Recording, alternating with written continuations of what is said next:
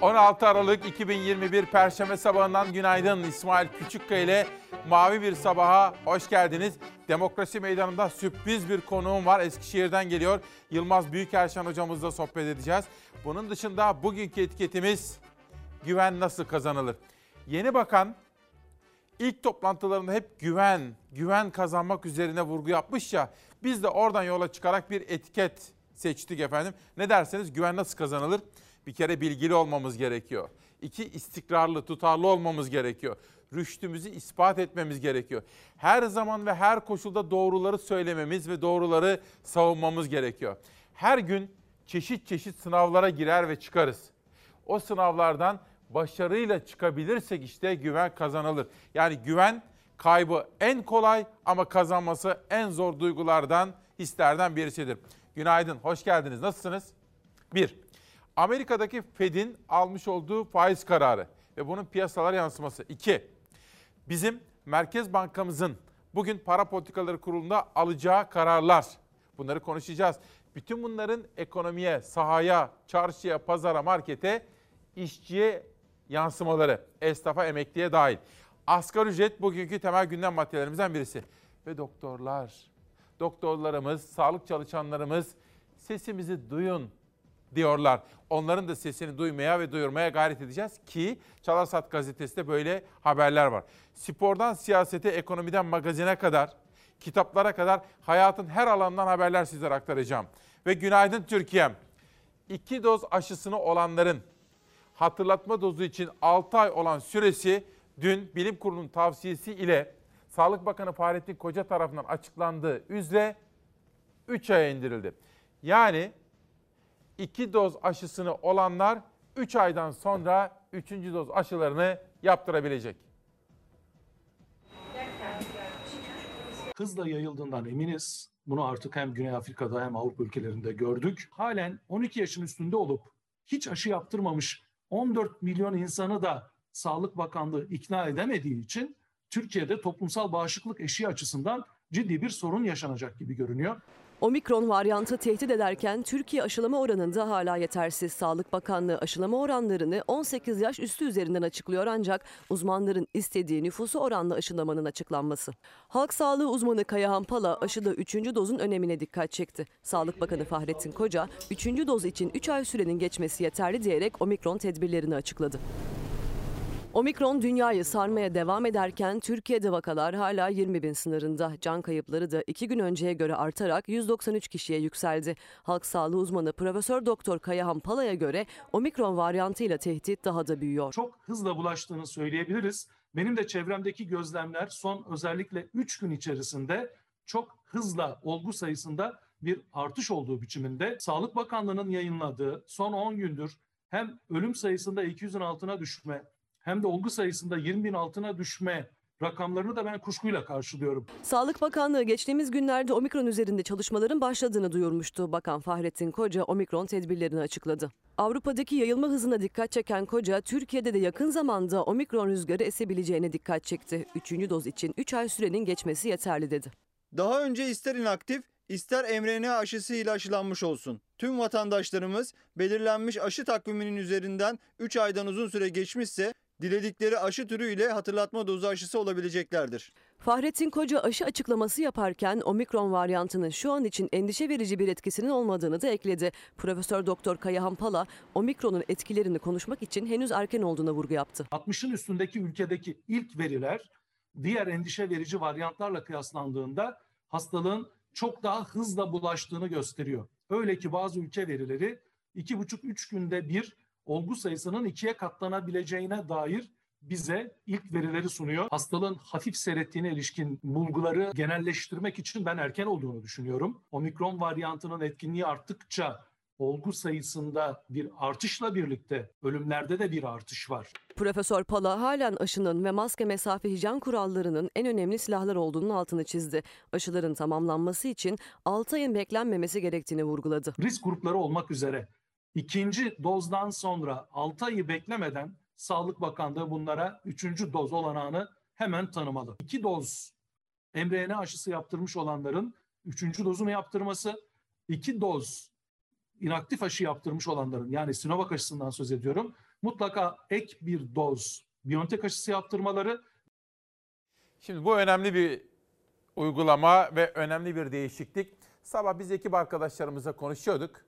Bu gelişmeden sonra Zafer biliyorsunuz geçtiğimiz haftalarda olmuştu hemen 3. doz aşısını. Ben Haziran'da 2 doz aşı olmuştum. Haziran'da ikinci dozumu yaptırmıştım. Tam sizlerle yaz tatili için vedalaştıktan hemen sonra 21 Haziran'da. Ve hemen bugün gideceğim 3. doz aşımı da olacağım. 6 aylık süreyi bekliyordum. Gerçi 6 ayda dolmak üzereydi zaten ama ben bu vesileyle devletimize bu imkanları sağladığı için teşekkür ediyorum. Uğur Şahin'e, Özlem Türeci'ye teşekkür ediyorum. Sağlık Bakanımıza teşekkür ediyorum. Kolay bir şey değil. Biraz sonra dünya gazetelerinde okuyacağız efendim. Pek çok ülkede aşı bulunamıyor henüz yeteri kadar. Bizim ülkemizde aşımız var. Lütfen zamanı gelen aşısını olsun diyelim. Nuray Ünkesen, günaydın. Karanlıkta işe gidiyoruz, geliyoruz. Gün yüzü görmüyoruz. Bu saatleri bir türlü ayarlamadılar işte. Bu kötü. İşte bak Savaş hemen gösterdi. Dışarıda saatler 8.07'ye doğru giderken karanlık bir hava var. Saatleri ayarlasalar, kış saatine dönsek, saatler şu anda 7.06 olacak ve şu gördüğünüz manzara normal olacak. Dünyayla da uyumlu olacak. Ama saatleri bir türlü kış saatine göre ayarlamadıkları için saat 8'de bile ortalık kapkaranlık oluyor ve sokak aydınlanmaları devam ediyor. Bakın normalde 8'de sokak lambası mı yanması gerekir? Ama bu konuyu bir türlü düzene sokmadılar efendim. Bunu da anlamak mümkün değil. Güven nasıl kazanılır dedik bu özel sabahta. Günaydın. Her şeyden ve herkesten önce sağlık dileklerinde bulunuyor ve manşetlere geçiyorum. Gazeteleri beraber okuyacağız. Günün köşe yazılarında mesela Uğur Dündar ne yazdı? Sizlere özet sunacağım biraz sonra. Dünya asgari ücret 300 doların altında kalıyor. İşte bakın bu. Eskiden biz Çin'i böyle düşünürdük. Ya derdik ki Çin'de işçiler çok ucuza çalışıyor. 300 dolar falan alıyorlar derdik. Bakın Türkiye'de neredeyse ortalama çalışan gelirinin eşitlendiği asgari ücretin seviyesi uzun yıllar sonra ilk kez bu sınırın altına iniyor. Peki, hani var ya bir laf, herkes gider Mersin'e, bizimkiler gider tersine diye bir laf var ya. ya. Bu arada Mersin demişken dün akşam Mersin Büyükşehir Belediye Başkanı İstanbul'daydı. Bir grup meslektaşımla birlikte Vahap Seçer'le birlikte olduk. Sizlere bolca selamları var. Sorular sorduk, notlar aldık. Vahap Seçer'den anlatacağım. Ama bakın biraz sonra gazeteler okuyacağız da şurada. Şimdi bakın bu işler nasıl oluyor? FED yani Amerika'nın Merkez Bankası beklentiler vardı, tartışmalar vardı. Ama dün bu defa faizleri artırmadı, pas geçti ama ne yapıyor biliyor musunuz? Ya bu işler böyle yapılır. Diyor ki biz şimdi pas geçtik, artırmadık, azaltmadık ama 2022'de 3 kez faizleri artıracağız. Bak şimdiden açıklıyor. 2022'de 3 kez faizleri artıracağız. Çünkü diyor enflasyon var, enflasyonu baskılamamız gerekiyor. Bitmedi. Modern dünyada şeffaflığın işlediği ülkelerde bu sistem şöyle çalışıyor. 2022'de diyor ya 3 kez faiz artıracağım diye. 2023'te de 3 kez faizi artıracağım enflasyonu baskı altına almak için diyor. Bizde nasıl? Bizde. Mesela bugün biz para politikaları kurulunda Dün akşam TAİK yemeği vardı. Türk-Amerikan İş Konseyi'nin yemeği. Orada ekonomi dünyasından da isimler vardı. Herkes birbirine soruyordu. Bakın bugün toplantı var. Toplantıda nasıl bir karar alınacağını hiçbirimiz bilmiyoruz. Adeta papatya falı çekiyoruz. Faizler artacak mı, azalacak mı, artacak mı, azalacak mı diye. Ama Amerikalılar 2022'de ve 2023'te faizleri ne kadar artıracaklarını, daha doğrusu kaç kere artıracaklarını şimdiden anons ediyorlar. Belki de öğrenmemiz gereken bir şeyler var. Piyasalar gözünü kulağını Amerikan Merkez Bankası'na çevirdi. Fed'in kararını bekledi. Fed sürpriz yapmadı, faizi değiştirmedi. Varlık alımları tamamlanmadan faizin artırılmayacağını belirtti. Tüm dünyada piyasalar doların seyrini etkileyecek kararı bekliyordu. Fed faiz artırıp doların değerini güçlendirecek mi yoksa yine faiz kararını pas mı geçecek beklentisi vardı ve kritik karar Türkiye saatiyle gece 10'da açıklandı. FED üyeleri oy birliğiyle faiz kararını pas geçti. Politika faizini değiştirmedi. %0 ile %0,25 arasında sabit bıraktı. FED 2021'in son toplantısında faiz artırmadı ancak 2022 ve 2023'te üçer kez faiz artışı yapılacağını öngördü. Enflasyon tahminlerini de arttırdı. Karar sonrası altın fiyatlarında dalgalanma yaşandı. Altının ons fiyatı yükseldi. Üstelik biraz sonra sizlere bir takım paylaşımlar göstereceğim. FED Başkanı çıkıyor. Diyor ki faiz politikası ile ilgili kararların tercihlerini anlatıyor. Anlatırken gazetecilerin sorularını yanıtlıyor. İşte böyle olması gerekir. Çıkacak bizi yönetenler diyecekler ki şöyle şöyle gerekçelerle bu kararları alıyoruz. Karşısında da özgür düşünen, bağımsız ruhlu gazeteciler var. Halkın haber alma hakkına saygı duyan, kamu yayıncılığı yapan, özel veya devlet fark etmez kamu yayıncılığı diye bir kavram var. Halk için çalışır. Onlar soru sorarlar. Bizde böyle değil. Bir karar neden alınıyor, nasıl alınıyor? O kararın arka planında hangi rasyonelite yani akılcılık var mı yok mu? Bu ve benzeri türden soruları yanıtlıyorlar. Bizde, bizde böyle mi ya? Diyelim ve evrensele geçelim. Dün sizlere demiştik ki bu sabahki etiketimizi sağlık çalışanları için aldık. Emeğimiz, geleceğimiz için demiştik. Hatırlayacaksınız. Dün Türkiye'nin dört bir tarafında seslerini duyurmaya gayret ettiler. Biz de onların yanındayız. Sağlıkçı laf değil, hak istiyor. Çöken sağlık sisteminin hem halka hem de sağlıkçıları perişan ettiğine dikkat çeken sağlık emekçileri yurt genelinde iş bırakarak iktidar uyardı. Vaat değil, hak istiyoruz dedi. Bir de tabii şimdi yeni bakanın başarılı olmasını istiyor musunuz? İstiyoruz değil mi? Ülkemiz için ben de istiyorum. Zaten daha seçilmeden önce seçildikten sonra da başarılar diledim kendisine. Sizlerin şahitliğinde. Ama bir yerde yanlış yapıyor bizimkiler. Şimdi mesela bakan oldu ya. Ya bakanın kardeşinin, çoluğunun, çocuğunun, karısının susması gerekir. Bu bir belki de fedakarlıktır. Değil mi? Bizde böyle işlemiyor sistem. Bakın pencereden kardeş Nebati'nin kafası karışık.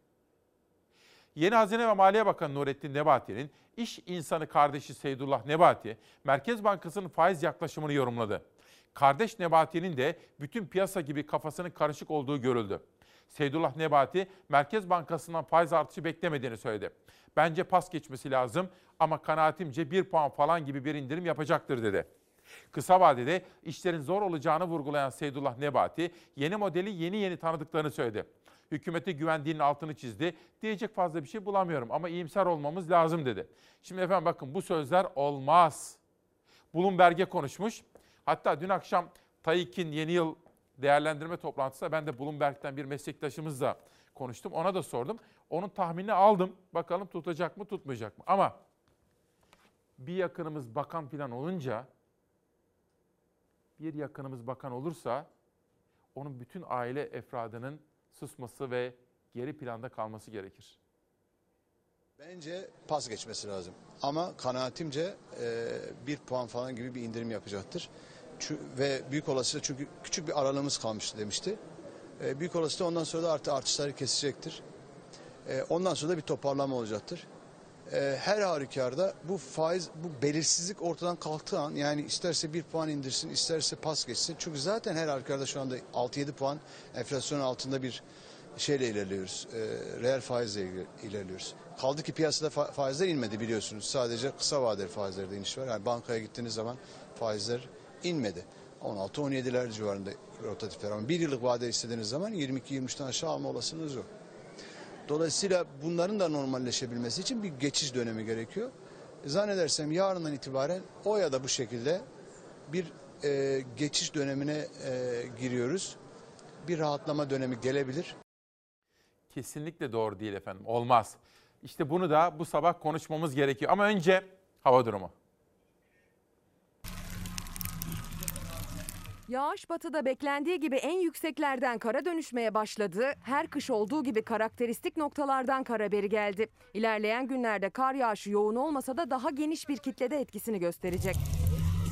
Sağanak yağmur da etkiliydi, yer yer mağdur etti. Adana'da aşırı yağışı kaldıramayan 40 yıllık ağaç müstakil bir evin üzerine devrilince evde çökmeler meydana geldi.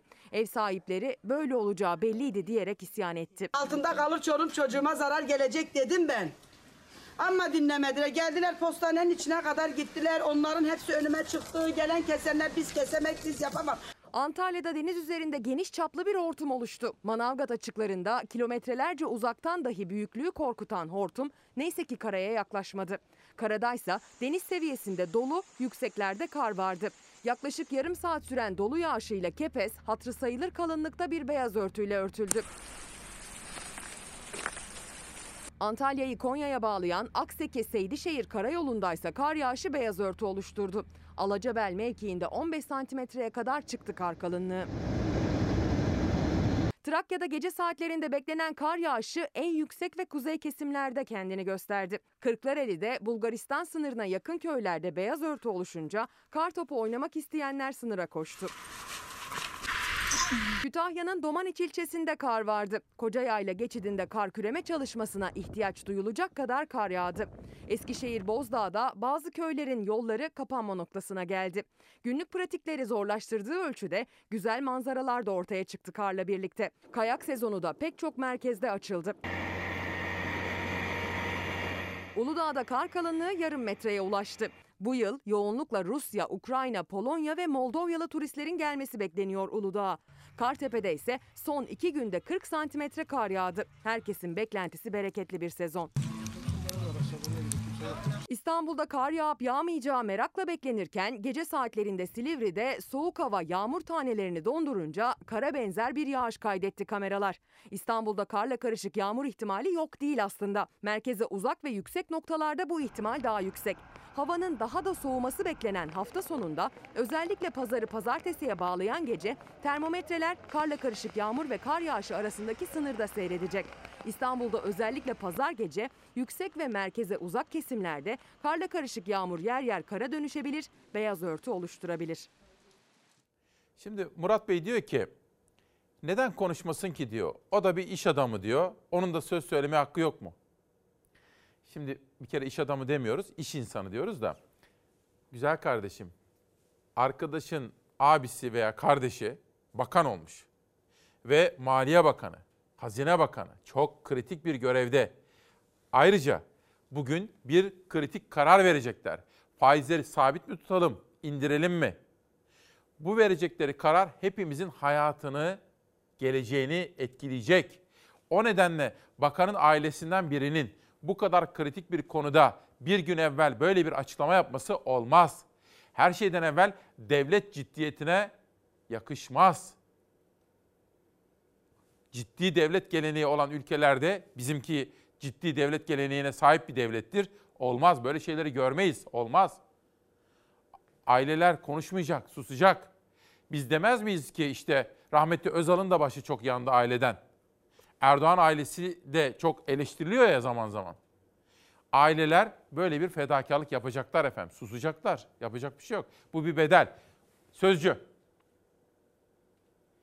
Yeni ekonomi modeli işte böyle bir şey. Faiz nerede? Suya düştü. Dolar nerede? Dağa çıktı. Lira nerede? Yandı bitti, pul oldu. ABD Merkez Bankası faizi sabit tuttu. Bugün gözler bizim Merkez Bankası'nın faiz kararında inecek mi çıkacak mı? %15'te sabit mi kalacak diyor efendim. Sözcüden bir detay daha. Size ne yaparlar bugün? Benim de bir tahminim var. Hatta dün akşamki iş insanları toplantısında da konuştuk. Herkese fikrini de sordum, tahminini. Hatta Bloomberg'den de bir meslektaşıma sordum. Ne diyorsunuz dedim sizce? O dedi ki bizim aldığımız sinyallere göre şöyle şöyle olacak dedi ama o tahminleri burada söylemem doğru olmaz efendim. O nedenle izleyip göreceğiz. Ülkede giderek artan yokluk ve yoksulluk var diyor. Ruhat Mengi biliyorsunuz bir süre önce Sözcü'de röportajlarına başlamıştı. Ses getiren isimlerle röportajlar yapıyor Ruhat Mengi. Bu kez CHP Kadın Kolları Başkanı Aylin Nazlı ile görüşmüş ve işte manşetten bir satır. Milletin kuru ekmeğine göz koyan bir iktidar var. Bu düzen böyle gitmez. Türkiye'de giderek artan derin bir yokluk ve yoksulluk yaşanıyor. Biz AKP gibi yoksulluğu yöneten olmayacağız, yok edeceğiz diyor efendim. Peki hazır meclisten, siyasetten söz açmışken mecliste yaşanan bir tartışmaya da Şimdi hep beraber yakından bakalım. Bu bütçe ahlı bütçe. Gübreyi alamayan çiftçinin ahı var. Türkiye Millet Meclisi kürsüsüne çıkıp çete üyesi gibi şunun ahı var, bunun ahı var. Portakal orada kal. Ben bir dakika bir dakika Sayın Cumhurbaşkanım bir dakika. Sayın milletvekilleri. Ne yapıyorsunuz siz ya? Hiç kimseye hakaret ettiğim yok benim. Cumhurbaşkanlığı bütçesinin görüşmelerinin finaline çete kavgası damgasını vurdu. Cumhurbaşkanı Erdoğan'ı temsilen görüşmelere katılan yardımcısı Fuat Oktay, çete üyesi gibi diyerek isim vermeden CHP milletvekili Burcu Köksal'ı hedef alınca tansiyon yükseldi. Türkiye Millet Meclisi kürsüsüne çıkıp çete üyesi gibi şunun ahı var diye hatibin nefret dilinin aksine milletimizin duası, desteği ve hüsnü kabulü var. Bebeğine bez alamayan anneyi sıkıntısını dile getirmek ne zamandan beri çete üyeliği oldu? Bu bütçede beşli çeteye ödenek var. O müteahhitlere beşli çete diyoruz. Size çete diyen yok. Çete konusuna gelince geneli ifade ederek ve bilinçli olarak da gibi ifadesini de kullandım. Daha düne kadar FETÖ'yle etle tırnak gibi olan kimdi? Terörist başı APO'yla masaya oturan kimdi? Tartışma atanmış seçilmiş polemiğini de alevlendirdi. CHP grubu Fuat Oktay'ın haddini aştığını söylerken özür dilemesini ve ifadelerini düzeltmesini istedi. Tepkiler Oktay'ın konuşması boyunca sürdü. Kullanılan ifadelere cevap veriyorum. Burcu Hanım bir dakika. Siz buraya Cumhurbaşkanlığının bütçesini savunmaya mı geldiniz? Yoksa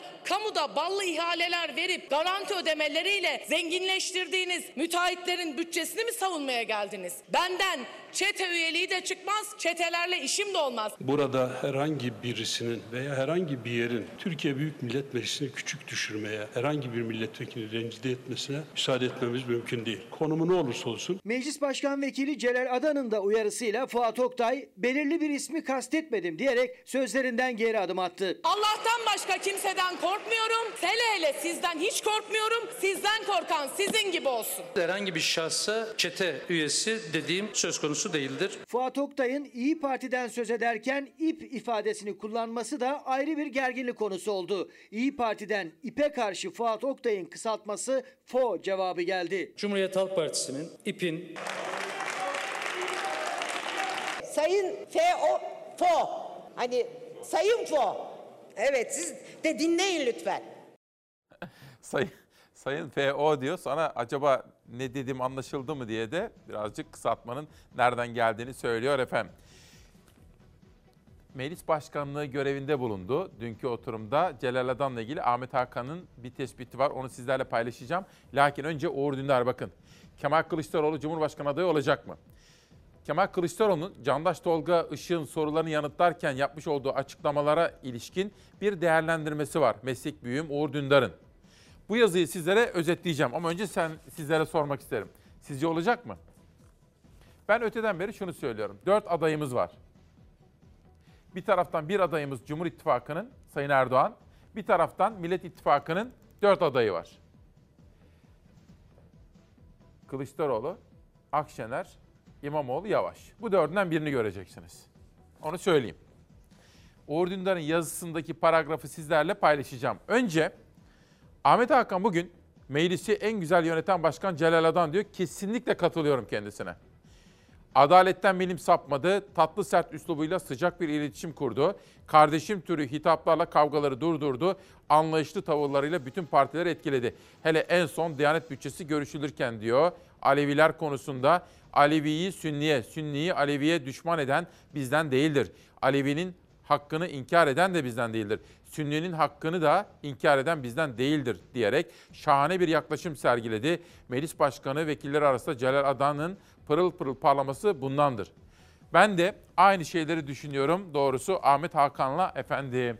Geçelim bir sonraki gazeteye. Tabii dün akşam TAİK toplantısında, TAİK'in yeni yıl değerlendirmesinde bakanın o ilk toplantısına katılanlar vardı. Mesela Arzuhan Doğan Yalçındağ da vardı iş insanı. O da dedi ki Sayın Bakan dedi güven vermeye çok gayret etti. Özellikle hukuk, hukukun üstünlüğü, dünya ile Türkiye'nin yakınlaşması, Avrupa ile normalleşme gibi kavramlardan bahsetmesi bizleri çok etkiledi dedi. Ve yönetim sistemimizin, ekonomi modelimizin dünyadan koparılmayacağının altını çizmiş bakan. Bunlar önemli. Ama hükümeti destekleyen gazeteler böyle düşünüyor mu acaba? İşte bir tane örnek. Yüksek alım satımlar döviz bürosundan değil bankadan yapılsın. Döviz için limit getirilsin. Dövizde kayıt dışı alım satımlar piyasayı belirsizleştirip spekülasyona sürüklüyor. Türk Ticaret Kanunu'ndaki 7 bin liranın üzerindeki işlemlerin bankalar üzerinden yapılması zorunluluğu, döviz üzerinden belirlenecek bir limitle kayıt dışı döviz piyasası için de geçerli olmalı. Döviz alım satımı da 2016'da yapılan düzenlemeye dahil edilmeli diyor efendim. Yani biraz daha sıkılaştırma istiyorlar. Oysa Türkiye'nin yaşadığımız bu çalkantılı dönemde hiç kimsenin aklına bir soru işareti getirmeyecek yönetim modelleri bilhassa da ekonomi konusunda uygulaması gerekiyor. Öyle değil mi efendim? Bir de dün doktorlar eylem yaptı. Çalar Saat hazır mı arkadaşlar? Sabah evet Çalar Saat gazetesinden bahsetmek istiyorum. Bütün ülkemizin illerinden, ilçelerinden fotoğraflar derleyip toparladık. Genç meslektaşım Orkun Özgül çizdi sizler için. Söyleyecek sözümüz var, değiştirecek gücümüz var. Bugünkü manşet böyle.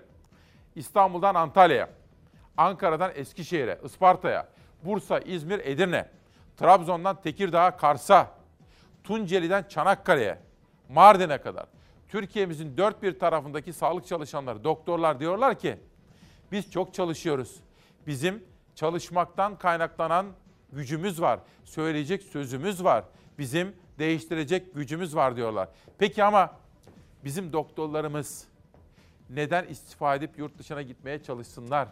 Bizim genç genç pırıl pırıl akademisyenlerimiz, doktorlarımız, bizim çocuklarımız neden geleceği başka ülkelerde arasınlar? Neden? Sebebi var. Bunlardan ilki de bir hekim olarak çalışma koşullarıydı Türkiye'deki. Biz bir ara bütün Şırnak ilinde sadece üç genel cerrah olarak çalıştık.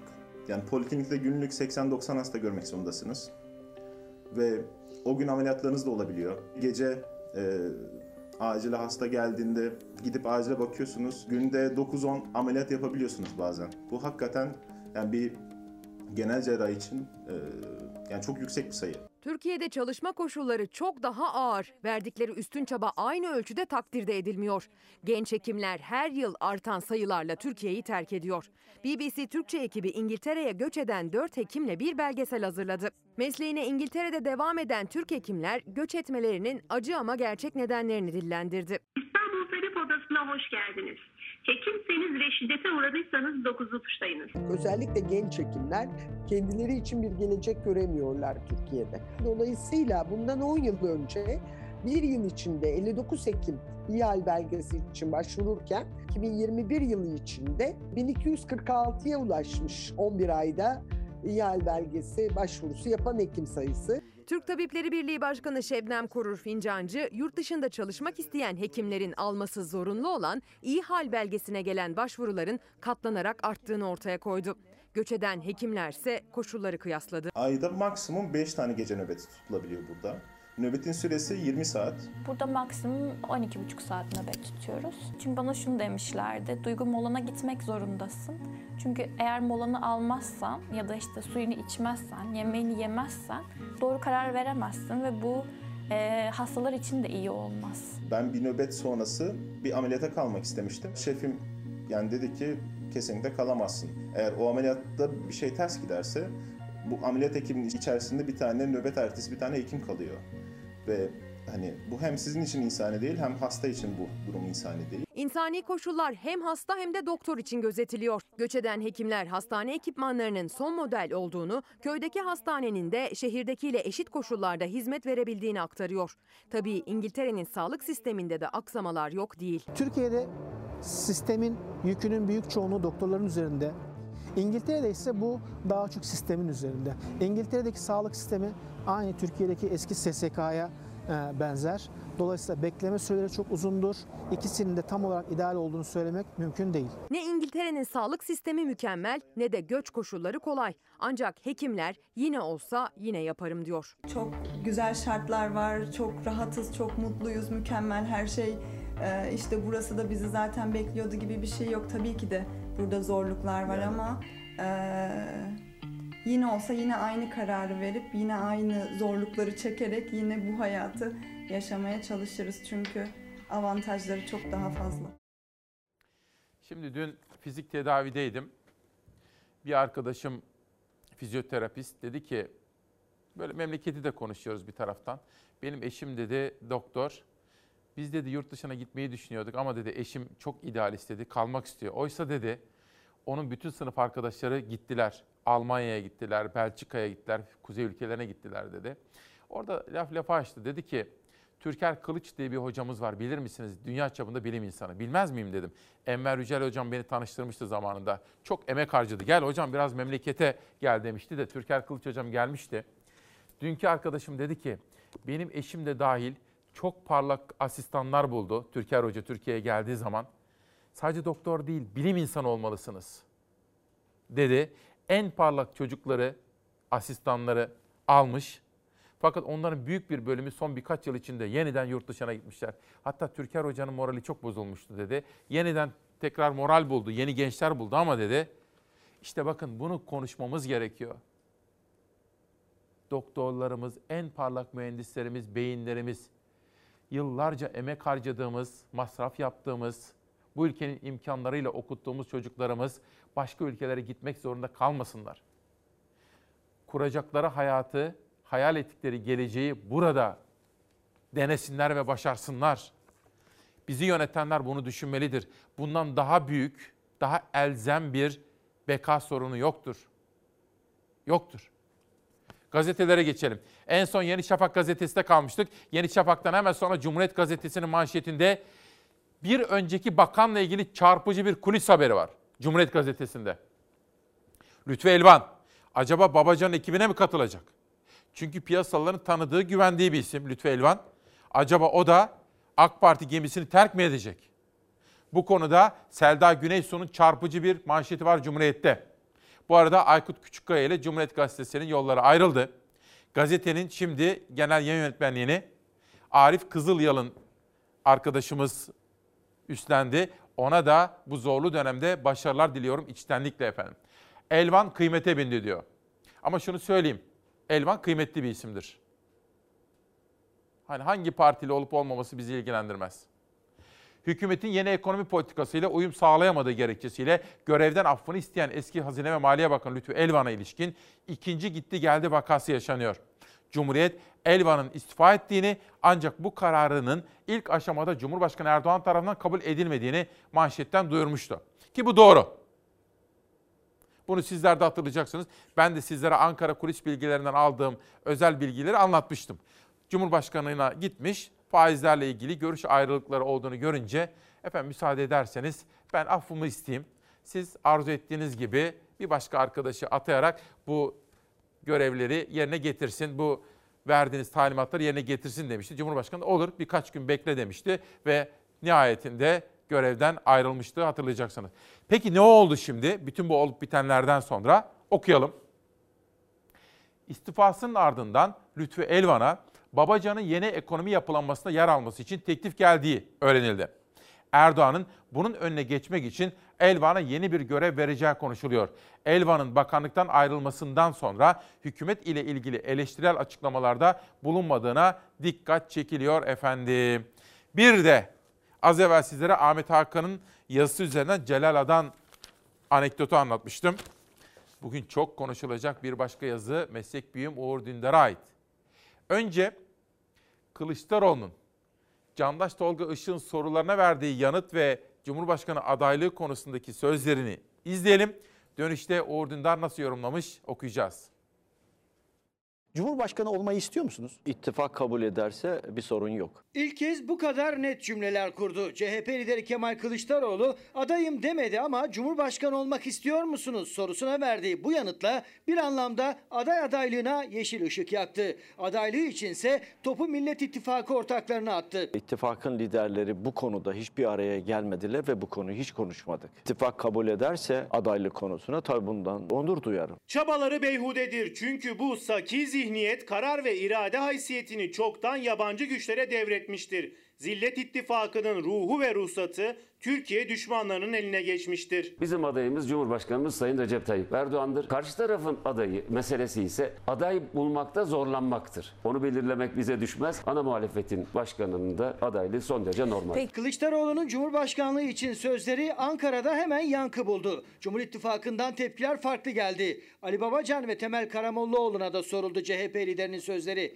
Şimdilik temkinli açıklamalar geldi. Bir araya gelip oturup konuşmamız gerekiyor ve ondan sonra da karar vermemiz lazım. Biz demokrasiyi savunuyoruz. Cumhur İttifakı'nda demokrasi yok, orada otoriter anlayış var. Şahsi fikrimi sorarsanız Cumhuriyet Halk Partisi'nin genel başkanının aday olmasıdır. Nihayetinde ilk turda herkes yarışa katılsın. bir cumhurbaşkanı adayının belirlenmesinin şu anda erken olduğu kanaatindeyim. Zamanı geldiğinde istişarelerle karara bağlanır. Partimizin verilmiş hiçbir kararı yok. Günü geldiğinde bu konular değerlendirilir. Partimizin yetkili organlarında bu kararlar alınır. Yeni günde de o sözleri soruldu CHP liderine. Yine ittifak vurgulu yanıt verdi. Bunu daha önce de ifade etmiştim zaten. Yeni bir şey değil aslında. İttifak bu konuda kararı birlikte yola çıktığımız, güçlendirilmiş parlamenter sistemi birlikte Türkiye'ye getirmek istediğimiz arkadaşlarla beraber karar verilecek. Millet İttifakı içinden Cumhurbaşkanlığı için ilk net cümleler Kılıçdaroğlu'ndan geldi. CHP liderine Eylül ayında ittifak ortağı İyi Parti lideri Meral Akşener'in başbakanlığa talip olan açıklaması da soruldu. Ben aday değilim. Ben başbakanlığa adayım. Sayın Akşener başbakanlığa yakışır. Devlet deneyimi vardır. E, Bakanlık da yapmıştır. Cumhurbaşkanlığı hükümet sisteminde fiilen ve hukuken bulunmayan başbakanlık makamına ittifak ortağını yakıştıran ve uygun bulan Kılıçdaroğlu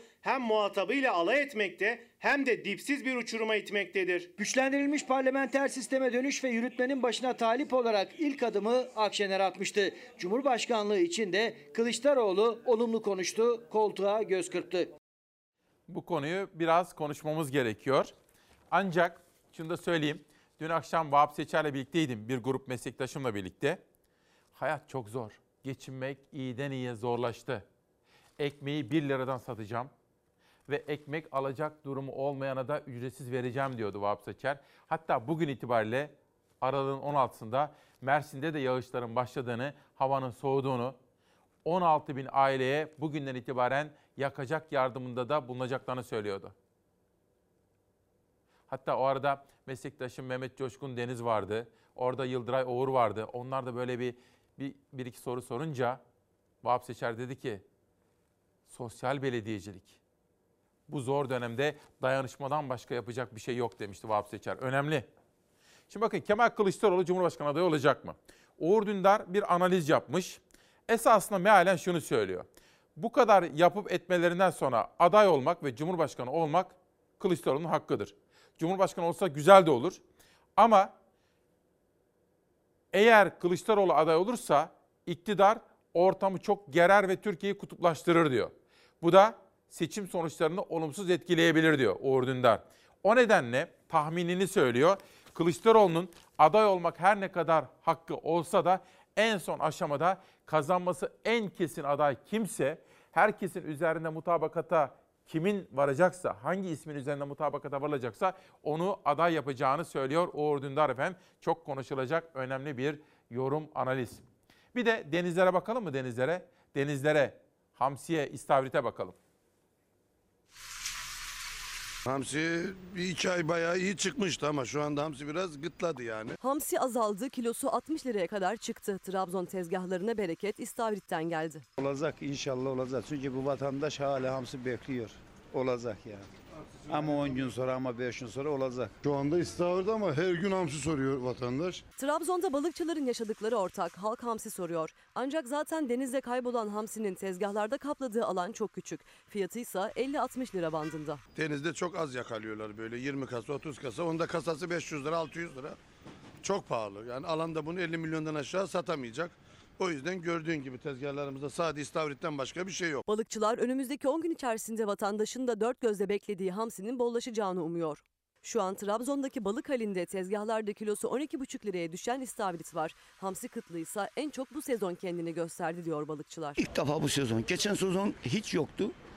Aynı şekilde bu şekilde devam ediyor. Şu iki sezondur çok yüksek gidiyor fiyat. İstemez tepki gösteriyor. 60 milyon lira hamsi olunca yani Karadeniz'deyiz. Hamsinin memleketindeyiz. 60 lira hamsi yani. Haliyle ister istemez tepki oluyor. Ve dün akşam bir beyefendiyle tanıştım. Aslında sizlerin de tanıdığı bir isim ama kıymetli eşi Seda Hanım, Seda Erkan her sabah bizimle birlikteymiş. Haberleri bizden öğreniyormuş. Yani tam bir Çalar Saat kadını. Seda Hanım'a, Seda Erkan'a ve bütün Çalar Saat ailesine selamlar söylüyorum. Bu arada Salih Supi Soner, bey babacığım ve onun şahsında bütün hastalarımıza da içtenlikle geçmişler olsun diyorum efendim. Dün akşam tanıştığım isimlerden birisi de, yani konuştuğum pek çok isim vardı da Serpil Yılmaz da oradaydı. Çok uzun yıllardır tanıdığımız bir arkadaşımız.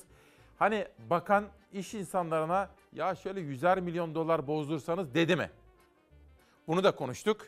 Tam böyle dememiş aslında. Latife yapmış. Arzuhan Doğan Yalçın'la diyor ki ya böyle bir laf yok diyor. Onu latife olsun diye söyledi diyor.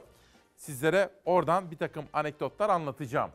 Bu arada Elazığ'da da aşılanma olayı özellikle kırsal kesimde aşılanma oranlarındaki düşüklük Yavuz Donat'ın dikkatini çekmiş ve bu konuda gözlemlerini paylaşmış. Spor dünyasına baktığımız zaman Bahçeşehir Koleji kayıpsız ilerliyor. Bu sezon erkeklerde Avrupa kupalarında yenilgi almayan tek Türk ekibi dün de yani Bahçeşehir Koleji dün de FIBA Avrupa Kupası ikinci tur maçını kazanmış efendim. Onları da tebrik ediyorum. Bir manşetim daha var. Hmm, Atilla Sav. Bakın. Avukat Nuyan Sav, Profesör Doktor Aydın Sav, Avukat Doktor Özden Sav ve saygıyla, özlemle anılan değerli bir hukuk insanı. Müsaade eder misiniz efendim? Bir fincan sade kahve içeceğim. O arada Yılmaz Büyükerşen hocam gelmiş mi kolaçan edeceğim. Çünkü Yılmaz hocamız bugün Demokrasi Meydanı'nın konuğu. Günaydın ve hoş geldiniz. Yeni bir gündeyiz efendim. İsmail Küçükkaya ile Demokrasi Meydanı. Günün adı şu. 16 Aralık 2021 Perşembe sabahında mavi bir gelecek hayaliyle çıktığımız hakikat yolculuğu bizimkisi. Yönetmenim Savaş'tan rica ediyorum. Şöyle bir dışarıya bakalım. Hava durumuna ilişkin detayları sizlerle paylaşacağım. Bugün demokrasi meydanında güven nasıl kazanılır diye sorduk. Çünkü yeni ekonomi bakanı en çok güven vurgusu yapıyor. Ben de dedim ki ekonomi bakanı olsak, yeni atansak nasıl güven kazanılır? Hatta efsane bir isim, bir duayen belediyecilikte çığır açmış bir isim. Eskişehir'den Büyükşehir Belediye Başkanı Yılmaz Büyükelçen hocam geldi. Biraz sonra ona da soracağım. Hocam diyeceğim güven nasıl kazanılır? İlk hatta hoş geldiniz dediği, dediğim zaman kendisine böyle bir soru yönelteceğim. Ve bugün Çalar Saat'te sağlık çalışanları. Efendim sabah 8'de sizlere söylemiştim.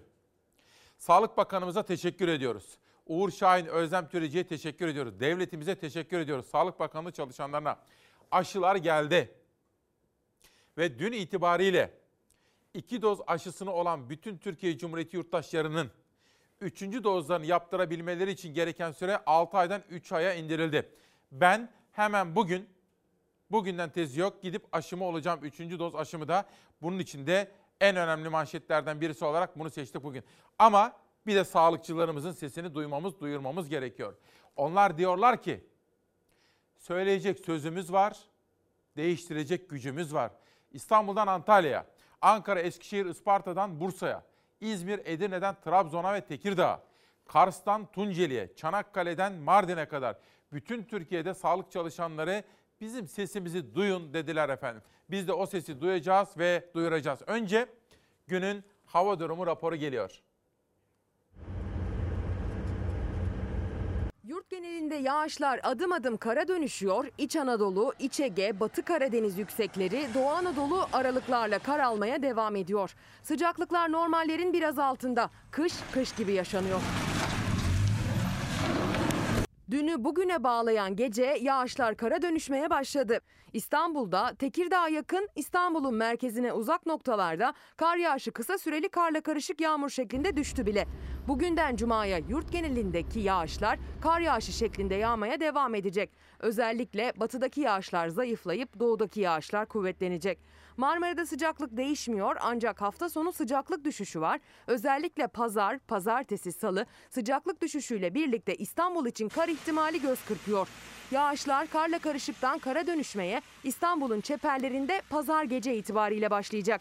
Eğer tahminlerde değişiklik yaşanmazsa pazar pazartesi özellikle en soğuk saatlerde İstanbul'da yer yer beyaz örtü oluşabilir.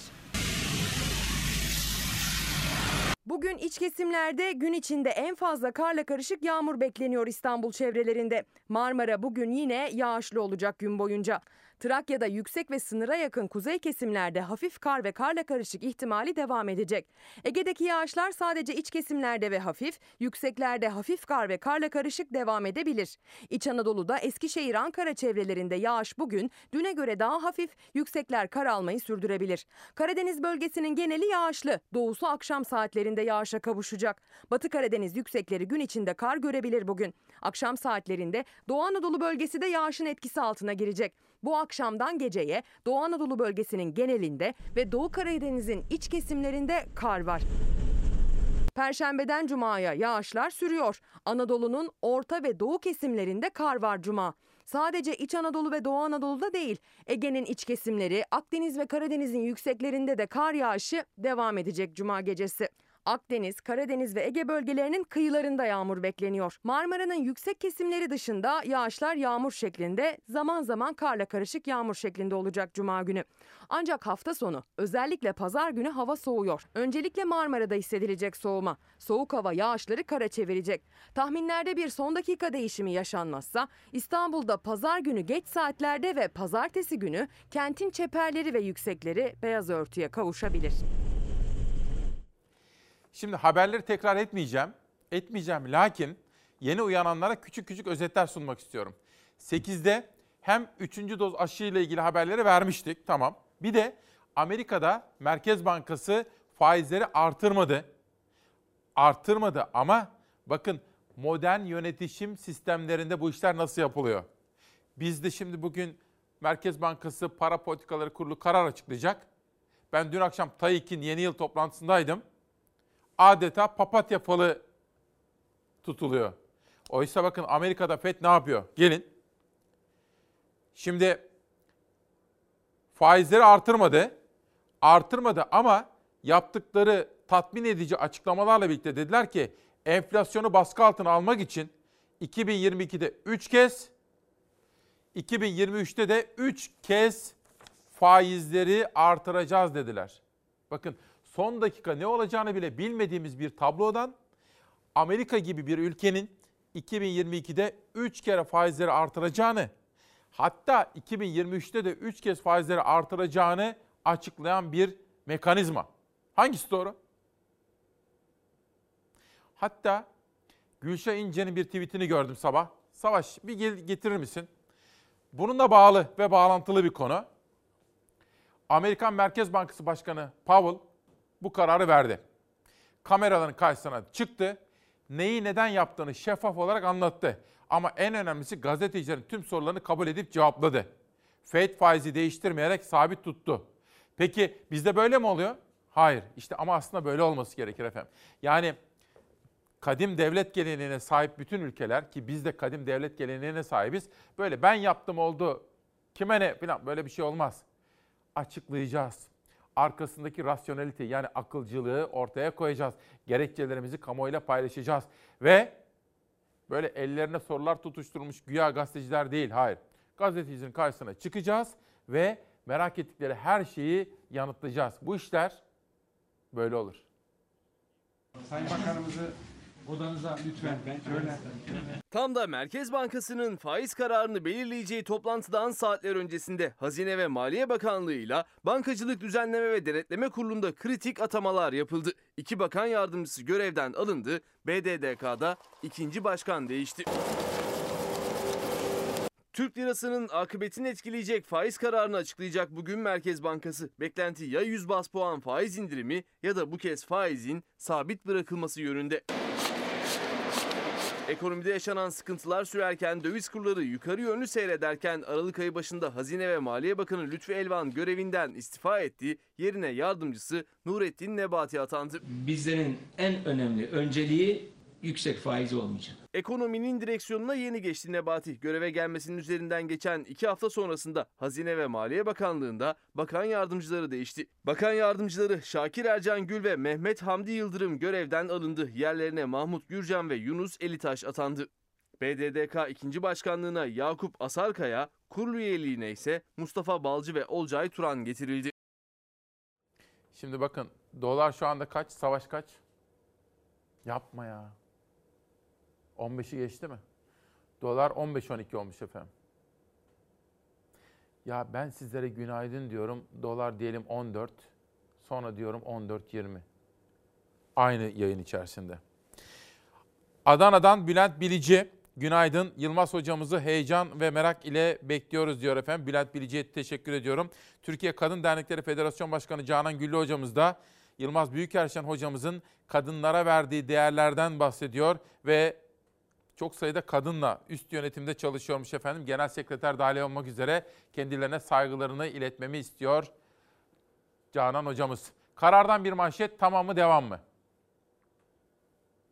Bak gazeteler şöyle efendim. Gazeteler mesela bugün 14.82'yi açtı. Hani demek ki gazete gece 1'de basılsa en son basılırken bu. Fakat şu anda 15.12. Bu ne demek? Dün Lale Hanım bana mesaj yazmıştı. İsmail Bey dedi siz doğru söylemeye gayret ediyorsunuz. Artan dolar falan değil dedi. Dolar olduğu yerde duruyor dedi. Başka paralarla karşılaştırdığınız zaman. Maalesef dedi değeri azalan bizim paramız. Lale Hanım'dan bir mesaj geldi böyle. Onu da sizlere aktarayım.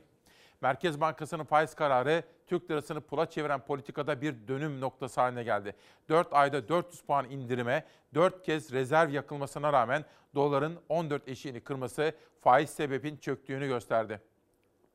Piyasada ters etki oluşturan indirim tahvil faizlerini de patlattı. Uzmanlar yol ayrımı vurgusu yaptı. Atılacak adım ya gidişatı yavaşlatacak ya da ekonomiyi krize sokan yüksek kur zam çıkmazı büyüyecek. Ne olur sizce efendim? Siz kıymeti Çalar Saat ailesine sormak istiyorum. Ne olur? Bakanın ailesine sormuyorum, hayır. Bir kişinin ailesinden birisi çok yüksek makamlara gelirse,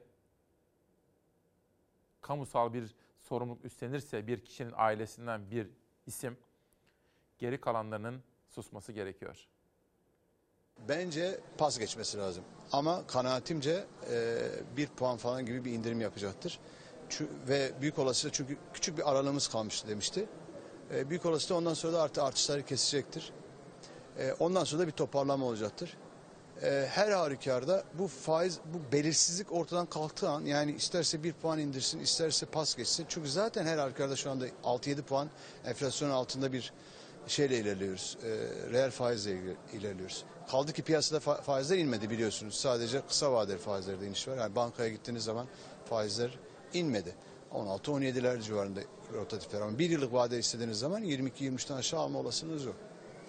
Dolayısıyla bunların da normalleşebilmesi için bir geçiş dönemi gerekiyor. Zannedersem yarından itibaren o ya da bu şekilde bir e, geçiş dönemine e, giriyoruz. Bir rahatlama dönemi gelebilir. Olmaz efendim, olmaz. Ciddi devletlerde, kadim devlet geleneğine sahip ülkelerde böyle bir şey olmaz. Allame-i cihan olsan konuşamazsın. Değil mi ki senin kardeşin veya abin bilmiyorum hangisi büyük. Türkiye Cumhuriyeti'nde maliyenin başında, hazinenin başında. Değil mi ki senin kardeşin veya abin bugün bir karar verecek ve bütün Türkiye Cumhuriyeti yurttaşlarının kaderini etkileyecek? Bilseniz bile konuşamazsınız. Olmaz. Asla kabul edilebilir bir şey değil. Bu ülkenize bir kötülüktür. Ülkenizin ekonomisine bir darbedir. Bu kardeşinize bir kötülüktür, kardeşinize. İnsan hiç olmasa kardeşi için susar ya. Onun başına bir şey gelmesin, ona söz gelmesin diye susar. Olacak şey değil. Neler görüyoruz ya? Ki ben devlete çok bağlı bir kardeşinizim. Devlet bizim için kutsaldır. Bizim eleştirdiğimiz hükümetlerdir. Fakat bu devlet bunları da mı görecekti? İnanılmaz şeyler yaşıyoruz. Asgari ücreti Erdoğan açıklayacak. Tam da merkezin faiz kararı saatinde. Kulislere göre 4200 liradan düşük değil. Böyle olmayacakmış. Bakalım kaç olacak? Biz de bunu dikkatle takip edeceğiz. Bir manşet daha gelsin pencereden. Bakalım neler var gündemde. Mersin'de belediyeden ekmek seferberliği. Mersin Büyükşehir Belediye Başkanı Vahap Seçer, sosyal medya hesabından ekmeği 1 liradan satmayı sürdürdüklerini duyurdu. Başkan Seçer, ihtiyaç sahibi ailelere ücretsiz ekmek dağıtımına da başladıklarını söylerken devamı gelecek. Biriz, beraberiz paylaşımı yaptı. CHP lideri Kemal Kılıçdaroğlu, CHP'li tüm belediyelerin kara kış fonu oluşturacaklarını, kent halkına destek olacaklarını duyurmuş, iktidara da kara kış fonu için çağrı yapmıştı.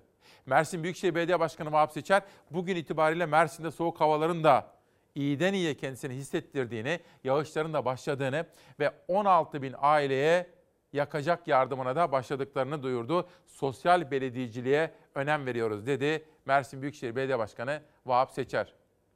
Peki biraz evvel sizlere sordum ama bakanın yakınlarına değil. Durum nedir, haliniz nicedir diye. AK Partili vekillere de soralım. Bakın şu anda sıkıntılı bir dönem yaşıyoruz. Hepimiz bunu kabul ediyoruz. Ekonomik olarak sıkıntılar var. Kimsenin inkar ettiği yok. Ama altını çiziyoruz. Bu bizimle ilgili değil. Bizim yönetim tarzımızla ilgili değil. Bu dünyadaki gelişmelerle ilgili. Bunu çok net söylüyoruz. Herkes söylüyor bunu. Milletimiz de bu hakikati görüyor. Elbet sıkıntıları yaşıyor. Elbette ki serzenişleri var. Bunu kimsenin inkar edeceği yok. Söylüyoruz biz bunları. Bu sıkıntılı dönemi birlikte aşacağız diye de altını çizerek not düşüyoruz. Hem milletimiz hem biz söylüyoruz.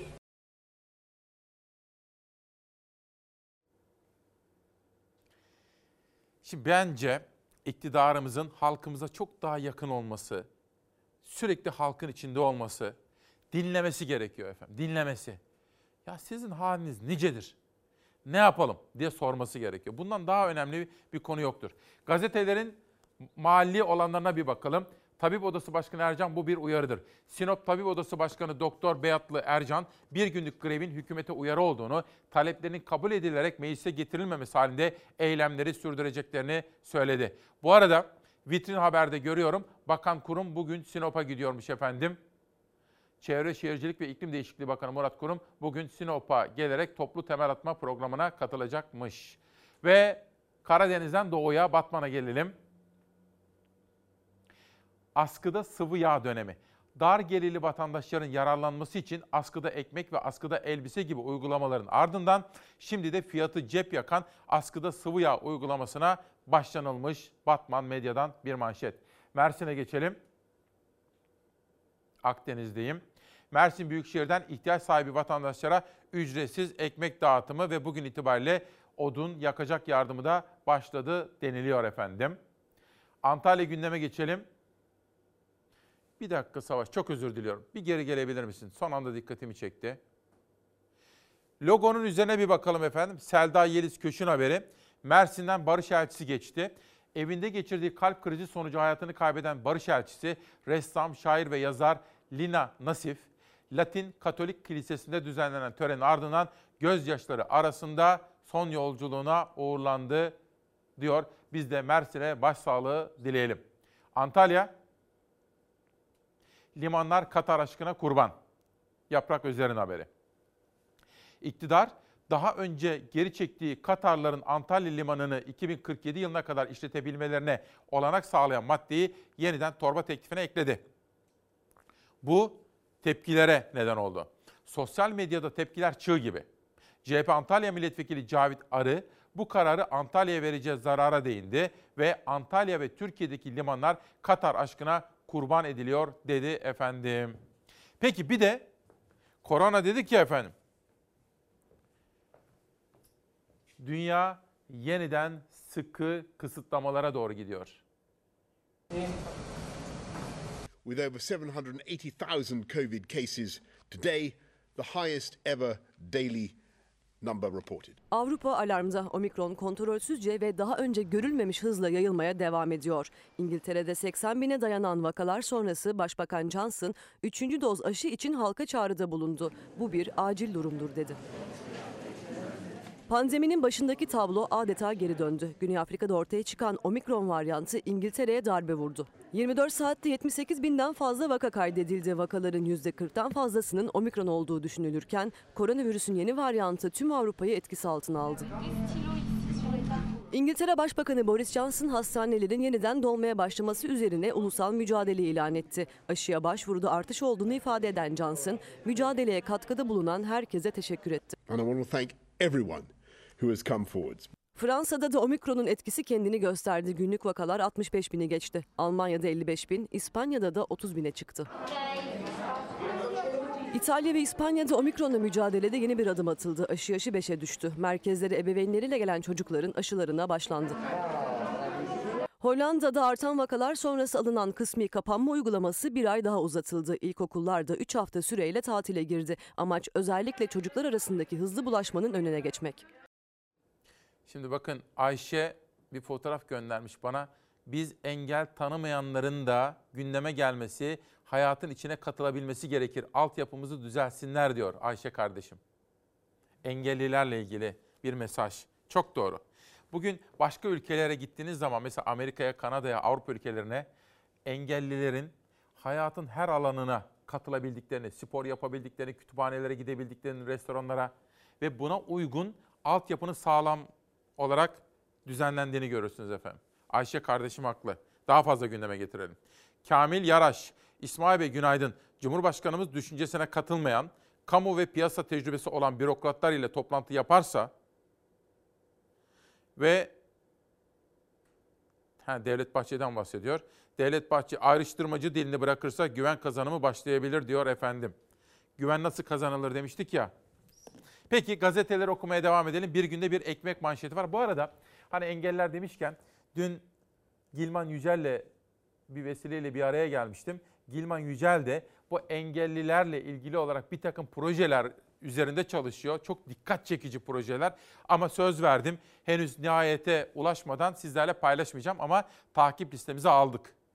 Bütün amacımız şu. Engelli olabiliriz ama engel tanımayacağız. Hayatın içine katılacağız efendim. Derdimiz bu.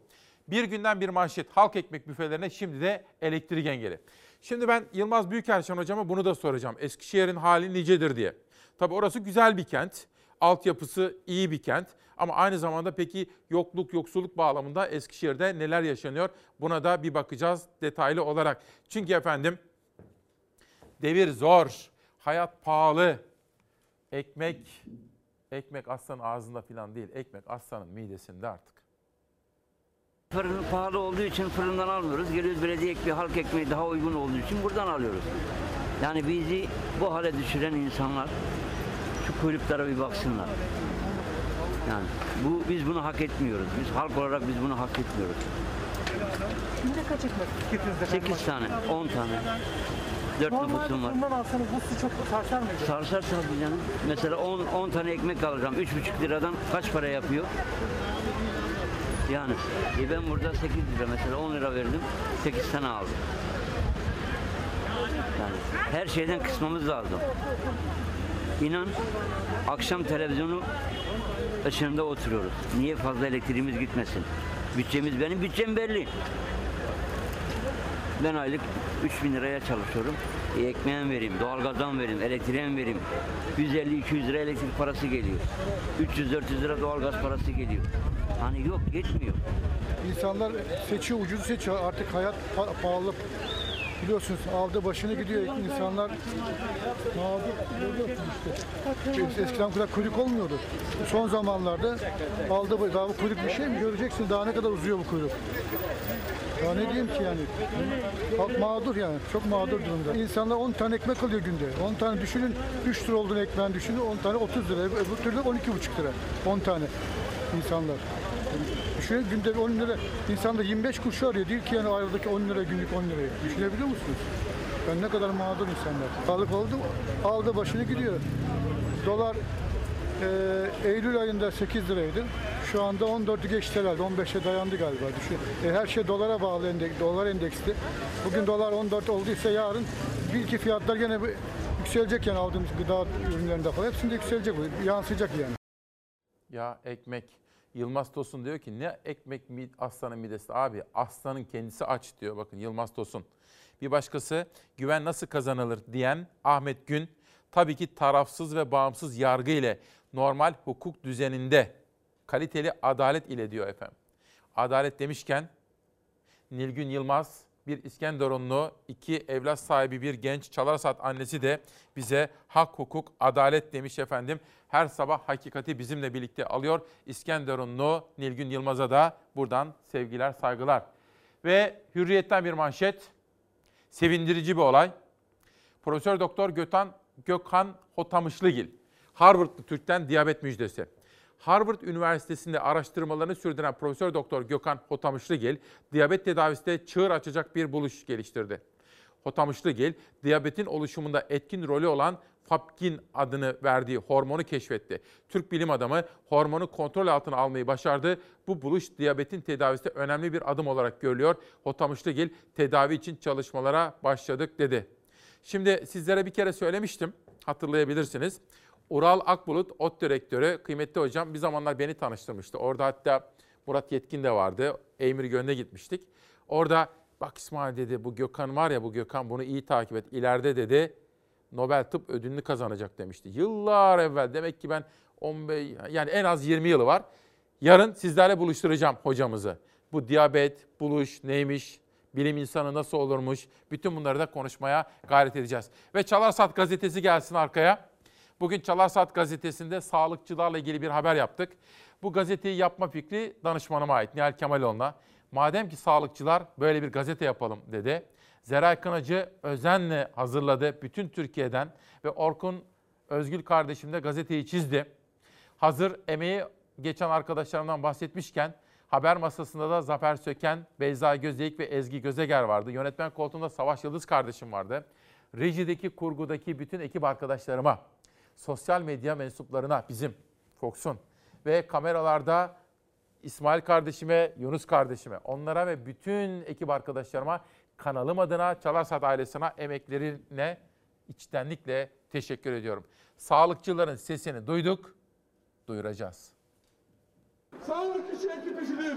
Bizi ayrıştırmayın. Bütün Türkiye'de, bütün illerde, bütün sağlık kurumlarında görevdeyiz, yürüyüşlerdeyiz, sesimizi yükseltiyoruz. Emeğimizin karşılığını istiyoruz. Ücretlerimizin günden güne erediği bir ortamda bize dayatılan yüzde beş zamları kesinlikle reddediyoruz. Doktorlar iş bıraktı. Yoğun çalışma şartları, düşen alım gücü ve tutulmayan sözler nedeniyle Türkiye'nin dört bir yanında hastane bahçelerinde sloganlar, alkış sesleri vardı. Doktorlar bugün grevde acil servisler dışında sağlık hizmeti verilmiyor ve şu anda Cerrahpaşa'dan Çapa'ya doğru yürüyüşe geçtiler. Taleplerini ise ellerindeki pankartlara dövizlere yazdılar. 36 saat çalışmak istemiyorlar.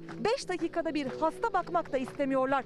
Aynı zamanda aldıkları maaşların düzeltilmesini talep ediyorlar. Saf maaşım 3700 bugün yattı daha. Benim bir de çocuğum var. Onu büyütmem ve yetiştirmem gerekiyor. Bize hakkımızın verilmesini istiyoruz. Bizim normal e, nöbetsiz maaşımız 2319 lira. Benim ev kiram bile 200 2800 lira. Maaşınızdan yüksek kiranız var. Evet ve maalesef hani ailem bana yardım ediyor. Emekliliğe yansıyan temel ücret, pandemide çalışılan her yıl için 120 gün yıpranma payı istiyoruz. Yaptıkları basın açıklamalarıyla taleplerini sıraladı sağlıkçılar. Çalışma koşullarının iyileştirilmesi ve ücretlerin düzenlenmesinin yanı sıra 5 dakikalık muayene sürelerinin 20 dakikaya çıkarılmasını istediler. Bir gün içerisinde randevulu hasta sayısı 50'yi 60'ı bulabiliyor. 36 saatlik nöbetler kişinin kaldırması ve kişinin kendi sağlığı için çok uygun değil. Taleplerimiz kabul edilmediği, sağlık çalışanlarının çalışma ve yaşam koşullarını düzeltecek bir düzenleme hızla meclise getirilmediği takdirde eylemlerimiz devam edecektir. Görev yerlerinden ayrılamayan sağlıkçılar da binaların balkonlarından eyleme, yürüyüşe destek veriyor. Diğer sağlık çalışanları da destek verdi eyleme. Sağlık Bakanı'nın müjde olarak açıkladığı sadece hekimleri kapsayan ama tepkiler sonucu sessiz sedasız geri çekilen zam düzenlemesi sonrası onlar da eşit zam talep etti. Bizler sağlık emekçisi bile sayılmıyoruz. Ağır şartlarda çalışıyoruz. Sağlık işi bir ekip işi diyoruz. Hep beraber burada sesimizi duyurmak istiyoruz. Hastane koridorları ise boş kaldı. Randevusu olan hastaların grevden haberi yoktu. Sağlık hizmeti alamadan dönmek zorunda kaldılar. Haklılar da işte biz ne yapacağız onu bilmiyorum. Keşke evvelden haber verselermiş. De hastalar da gelmeseymiş. Avcılardan geliyoruz. Çoluk çocuk geldik. Kaç araba değiştirdik yani. Sitemleri yapılan greve değil yaşatılan mağduriyeteydi. Birçoğu doktorların eylemine destek verdi. Haklarını istiyorlar yani haklılar da yani. Çünkü en zor görev onlarda. Yani acile gittik geçen gün. Ben gördüm çektiklerini yani. 5 dakika veriyor ya 5 dakika adam senden konuşacak, dinleyecek, ne tarif edecek? Derdini bile anlatamıyorsun. Doktorlar haklı. Yani bu maaştan böyle bu kadar zor işlerde çalışması zor. Destek veriyoruz, mutlaka veriyoruz. Çünkü vermekten başka çaremiz kalmadı artık. Bakın ne diyorlar? Sesimizi duyan var mı? Bu görüntüleri ve bu sesi sizlere başka televizyonlarda göstermiyorlar efendim. Neyse ki biz ihaleleri olan, holdingleri olan, şirketleri olan bir grup değiliz. Bağımsız ve tarafsız bir kanalda özgürce yayın yapıyoruz Türkiye koşullarında. Tabii sonsuz bir özgürlük yok. Türkiye'nin koşulları ortada. Ama bu arada hastalarımızla ilgilenenlere teşekkür etmiştik ya efendim. Mesela Gökhan hocamız, Gökhan Demir hocamız şu anda hastalarımızla ilgileniyor. Sema Hoca, Sema Yıldız şu anda hastalarımızla ilgileniyor. Onların şahsında bütün doktorlarımızı da saygıyla, minnet duygularıyla selamlıyoruz efendim. Güven nasıl kazanılır dedik. Sosyal medyanın gündemine bir bakalım. Zeynep staj mağduru. Bu sesi çok duyuracağım bundan böyle. İsmail Bey sesimizi duyurduğunuz için çok teşekkür ederiz. Staj SSK başlangıcı olsun diyor. Efendim birkaç dakika sonra efsane bir isim Yılmaz Büyükerşen huzurlarınızda olacak. Teşekkürler. Staj mağdurları erken emeklilik istemiyor. Avukata, doktorun staj başlangıcı gibi bizim de iş başlangıcımız işe ilk girdiğimiz tarih sayılsın diyor Erim Asaf. Doğru söylüyorlar. Staj mağduru onlar. Bir akademisyenin iddiası üzerinden başlatılan OHAL tartışması kara propagandadır. AK Parti OHAL ilanıyla seçimi erteletmek gibi bir yola asla tevessül etmez. Şartlar ne olursa olsun vakti gelince seçime gider, son sözü millet söyler. Egemenlik kayıtsız şartsız milletindir diyor Adalet ve Kalkınma Partisi'nden Gaziantep'li Şamil Tayyar. İpek Özbey. Az önce 3 paket Türk kahvesi aldım ve kasaya gittim. 41 lira tuttu. Kasiyer 3 tane verebilir miyim bilmiyorum diyerek amirine danıştı. Sadece kahve aldığım için kabul edildi. Ben geçtiğimiz hafta memleketim Simav'dan dönerken kardeşim de oradan Ankara'ya doğru gidiyordu. Sizlere söyledim bunu. Bir yerde durmuştu büyük bir alışveriş merkezinde yolda, yol üzerinde. Abi dedi kahve burada 2 lira daha ucuzdu. Ben 3 tane aldım. Fakat kasiyer dedi ki bir tane alabilirsiniz. Öbür ikisini bıraktım demişti. Hatırladınız mı? Ya işte Türkiye 2022'ye giderken böyle bir manzara. Bayilerdeki araçları toplayarak fiyatlardaki artışı etkiledikleri gerekçesiyle 51 kişi hakkında gözaltı kararı verildi. Sabah yazarı görüşmenin perde arkasını yazdı. Nebati'den iş dünyasına hepiniz yüzer milyon dolar bozdurun. Dün akşam TAİK'in Türk-Amerikan İş Konseyi'nin toplantısı vardı. Daha doğrusu yeni yıl değerlendirmesi vardı. Küçük bir davet. Ben de katıldım oraya. Mehmet Ali Yalçındağ'ın başkanın davetiyle. Arzuhan Doğan Yalçındağ da bu toplantıya katılmıştı. Sordum kendisine. Ya öyle değil tabii ki dedi. Yüzer milyon dolar bozdurun değil. Bizlere güven vermeye çalışıyordu. Avrupa Birliği ilişkilerinden, normalleşmeden, Türkiye'nin mevcut sisteminin değişmeyeceğinden. O arada latife yaptı dedi. Mesela dedi herkes yüzer milyon dolar bozdursa gülüştük dedi. Bunun da doğrusunu ben sizlere Arzuhan Doğan Yalçınlar'dan aktarmış olayım. Ve peki Türkiye'de kim hayatından memnun? Kim memnun? Şimdi şöyle sayıları şöyle deriz ya bir parmağının e, iki, iki elimizin on parmağı diyelim. İşte yap, devlete yaptıkları projelerden yolcu başına mesela köprüler, otoyollar, hastaneler, hasta başına eurolu, dolarlı garantileri alanlar memnundur mesela. Başka? Başka kim memnundur? Mesela Şahan Gökbakar'ın dediği gibi kendi paraları Türk lirası karşısında aşırı değerli hale gelince, daha doğrusu bizim paramız değersiz hale gelince akın akın Türkiye'ye gelenler memnundur. Mesela Bulgarlar Bulgaristan'dan gelip alışveriş yapıyorlar. Onlar memnun olabilir. Dünyaya bir bakalım efendim. La Palma.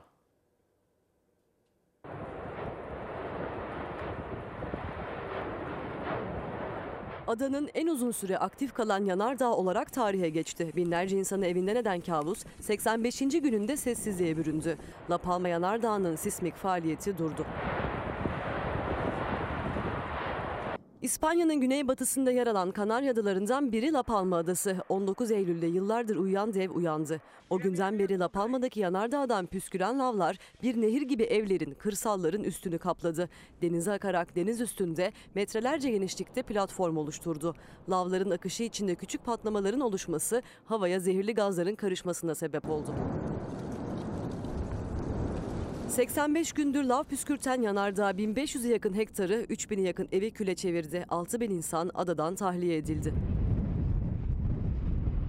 Bugün yanardağın sismik faaliyeti durdu ancak uzmanlar küçük çaplı patlamaların devam edebileceği konusunda uyardı. Lavların adı ekonomisine verdiği zarar 840 milyon euroyu geçti.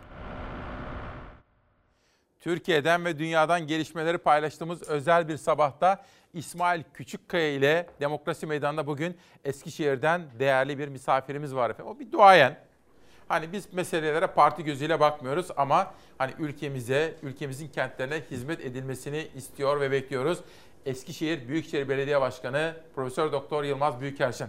Hocam hoş geldiniz. Hoş bulduk. Nasılsınız? Bey, çok teşekkür ediyorum. Sizi çok şık gördüm, zarif gördüm, formda gördüm, iyi gördüm maşallah. O, sizin iyi görüşürüz. Sağ olun. Çok teşekkür ederim. Ecevit mavisi de giymişsiniz hocam. E, öyle. Rahmetli. Biliyorsunuz ben siyasete Ecevit'le birlikte atıldım. Daha doğrusu Ecevit'le birlikte değil de onun ısrarı üzerine siyasete girdim. E, ve bana olan vasiyetini yerine getirmeye çalışıyorum. Bana beni ikna edebilmek için şunu söylemişti. Akademisyenlikten ayrıldıktan sonra biz dedi şehircilikte pek fazla sosyal demokratlar olarak varlık gösteremedik, imkanları kullanamadık. Size Eskişehir Büyükşehir Belediye Başkanlığı'nı teklif ediyorum. Kendi şehriniz, orada bir üniversite yarattınız. Dünya çapında oldu. Çeşitli imkansızlıklarla. Sizin evet. Ve bir yaraya derman, derman oldunuz.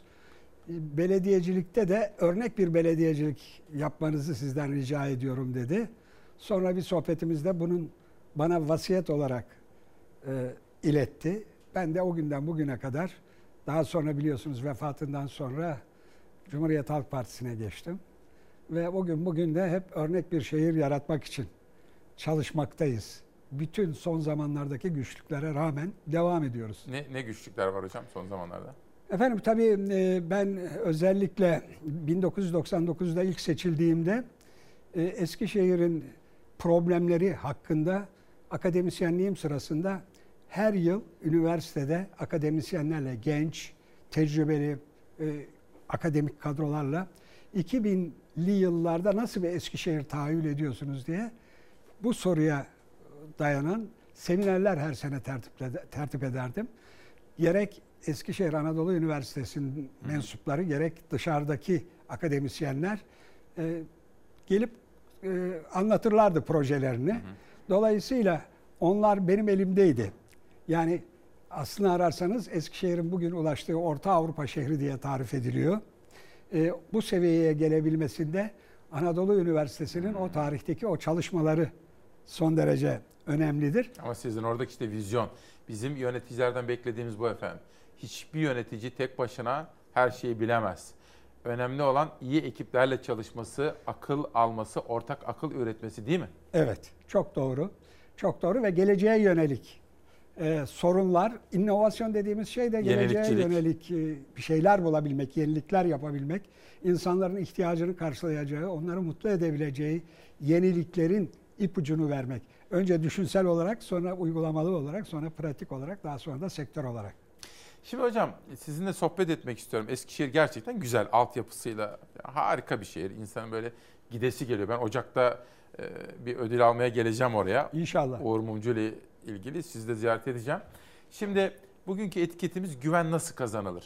Şimdi siz güven kazanmış bir isim olarak hani bunca yılın tecrübesi var hayatta her şeyi gördü. Hem bir hocasınız binlerce öğrenciniz var.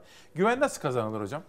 Efendim güven bir kere adil olmakla başlar. Yani adil olacaksınız. Beraber çalıştığınız insanlar sizin e, adil olduğunuzu, başarılı olanları değerlendirdiğinizi, onlara imkanlar açtığınızı, başarısız olanların da hatalarını söyleyip hatta onların hatalarını kendi üzerinize alıp e, lisanı münasiple diyelim eski deyimiyle onlara o hatalarını anlatmakla olur. E, ve partizan olmayacak en önemlisi. Ben de bir siyasi partinin e, belediye başkanıyım. Büyükşehir Belediye Başkanıyım ama hiçbir zaman partizanlık yapmadım. Eskişehirlerin değil, Türkiye'deki pek çok beni tanıyan vatandaşların e, benim partizanlık yapmadığımı, evet, siyasetin içindeyim. Hizmet edebilmek için de siyasete ve siyasi sisteme ihtiyacınız var. Onun içinde çalışacaksınız. Ama orada örnek olabilecek davranışlar yaparsanız, lider olabilecek davranışlarda ekibinizin lideri olarak ortaya koyduğunuz eserler, verdiğiniz sözler, bu çok önemli. vatandaşa verdiğiniz sözler, seçmenlerinize verdiğiniz sözler fevkalade önemli. Bu sadece particiler için değil. Yani özel sektörde yönetici olan insanların da hani şimdi diyoruz ya sürdürülebilirlik, Evet. aynı karın, aynı verimliliğin devamlı Devam olarak etmesi. sürdürülebilmesi için de size düşen görev adil olacaksınız. Partizan öz- siyasette de şey diyorsanız, hizmet veriyorsanız taraf tutmayacaksınız. Bakın benim yakamda ben bayrağı 99'da 1999'da seçildim. 1999'da seçildiğimde seçime kadar yakamda güvercin, rahmetli Ecevit'in güvercin rozeti vardı. E, ve ilk seçildiğimde belediyeye, belediye meclisi toplandı. Mazbatamızı aldık seçim kurulundan. Geldik işte meclis salonunu üyelerimiz yeni bizimle beraber seçilen DSP'li üyeler, meclis üyeleri, halk, e, bürokratlar, basın mensupları hepsi vardı. O kürsüye çıktım. e, Teşekkür ettim Eskişehirlilere ilk iş olarak bize güvendikleri, bana güvendikleri için. E, Ve ilk icraatımı yapıyorum dedim. Yakamdan güvercinli rozeti çıkarıp mikrofonun üzerine bıraktım. Çıt ses çıkardı ve düştü güvercin. Herkes şaşkınlık içerisinde ilk icraat yakadan seçildiği partinin rozetini attı diye. Dedim ki bakın bu ilk icraatım. Çünkü artık bu parti yakasında hangi partinin rozeti olursa olsun, hangi düşünceye sahip olursa olsun, beğenin beğenmeyin, onların hizmet beklediği ortak ihtiyaçlarının karşılanmasında e, ön plana çıkan, taleplerini bize ileten bütün insanları temsil ediyorum. Şimdi ikinci icraatıma ilan ediyorum dedim. Meclis üyesi arkadaşlarıma, onların yakalarında da güvercini rozetler vardı. Onlar da mı Şimdi çıkardı? dedim büyük bir şimdi bu mecliste seçilen çok değerli arkadaşlarıma rica ediyorum. Sizler de yakanızdan rozetinizi çıkarın. Çıkarın ama benim gibi kürsünün üzerine bırakmayın. Yakanızın arkasına takın dedim. Ha, enteresan. Evet. Çünkü dedim bundan sonra belediyeye girerken rozetiniz olmayacak. Rozetinizi belediyeden çıktıktan sonra yakanızın arkasından Çok çıkarın. güzel, Yine yakanıza takarsınız. Dolayısıyla sizden de beklediğim şudur. Ee, Bana çok yardımcı oldunuz. Teşekkürlerimi sunuyorum size. Benim de size seçilmekte yardımım oldu. Ama bundan sonra bu şehri temsil eden, seçmenleri temsil eden, bize oy veren ve vermeyen bütün Eskişehirlileri temsil eden e, meclis üyeleri olarak onların dertlerini, onların şikayetlerini, onların ihtiyaçlarını yalnız ve yalnız bu meclis salonunda dile getireceksiniz. Daire başkanlarının odalarında, müdürlerin odalarında efendim partinin mensubu, meclis üyesi olarak baskı yapmayacaksınız. Onlarla temas kurmayacaksınız. Şimdi- burada söyleyeceksiniz her şeyi. Çözümü de burada bulacağız dedim. Şimdi fakat şimdi tabii bayrak hepimizin. Evet. Bir de atamız hepimizin. Bakın ne kadar şık ve zarif bir kravat iğneniz var. Atamız ve bayrağımız yan yana. Bunlar bizim ortak değerlerimiz, Ortak sembollerimiz. değerlerimiz. Asla e, taviz Şahane. verilmeyecek Şahane. değerlerimiz. Kıymetli hocam. Şimdi Ha bir şey daha var. Buyurun, Yine buyurun. Üçüncü de tabii arka tarafta bürokratlar oturuyordu. Evet. Meclis salonunda. Onlar da benden evvelki dönemlerde belediye başkanlığı yapan başkanlar veya partilerinin dönemlerinde kendilerinden öncekileri bir kıyıya çekip kendi adamlarını aldıkları kadrolardan oluşuyordu. O muhakkaktı yani Türkiye'deki siyasi anlayış itibariyle. Dedim ki şimdi arkada bürokrat arkadaşlarım var. Onlar da büyük endişe içerisindedirler. Belediye başkanı değişti, belediye meclisi değişti, belediyede iktidar değişti. Eyvah biz görevdekiler yani bir önceki belediye başkanı döneminde gelenler işimize son mu verecek, bize ne yapacak? Ve bu arada ondan da önceki dönemde seçilen arkadaşlarımın olduğunu da görüyorum orada bürokratlar. Onlar da inşallah bizi belli yerlere getirir. Bu geçen dönemde engel olmak istediğimiz ekibin yerine biz geliriz diye düşünüyorlar. Sakın böyle bir şey düşünmeyin. Şu andan itibaren hepiniz benim nazarımda görevli bir bürokratsınız. Harika. Tek bir şartım var. Partizanlık istemiyorum. İşinizi yapın. İşinizi yapın. Güzel. Başka işlere uğraşmayın dedim ve öyle devam etti bugüne kadar. Şimdi kıymetli hocam bu tecrübeden bu bakış açısından yararlanmamız gerekiyor. Yalnızca ben değil, bütün partilerin, bütün Türkiye'deki belediye başkanları, yöneticileri yararlansınlar. Halkımız da yararlansın.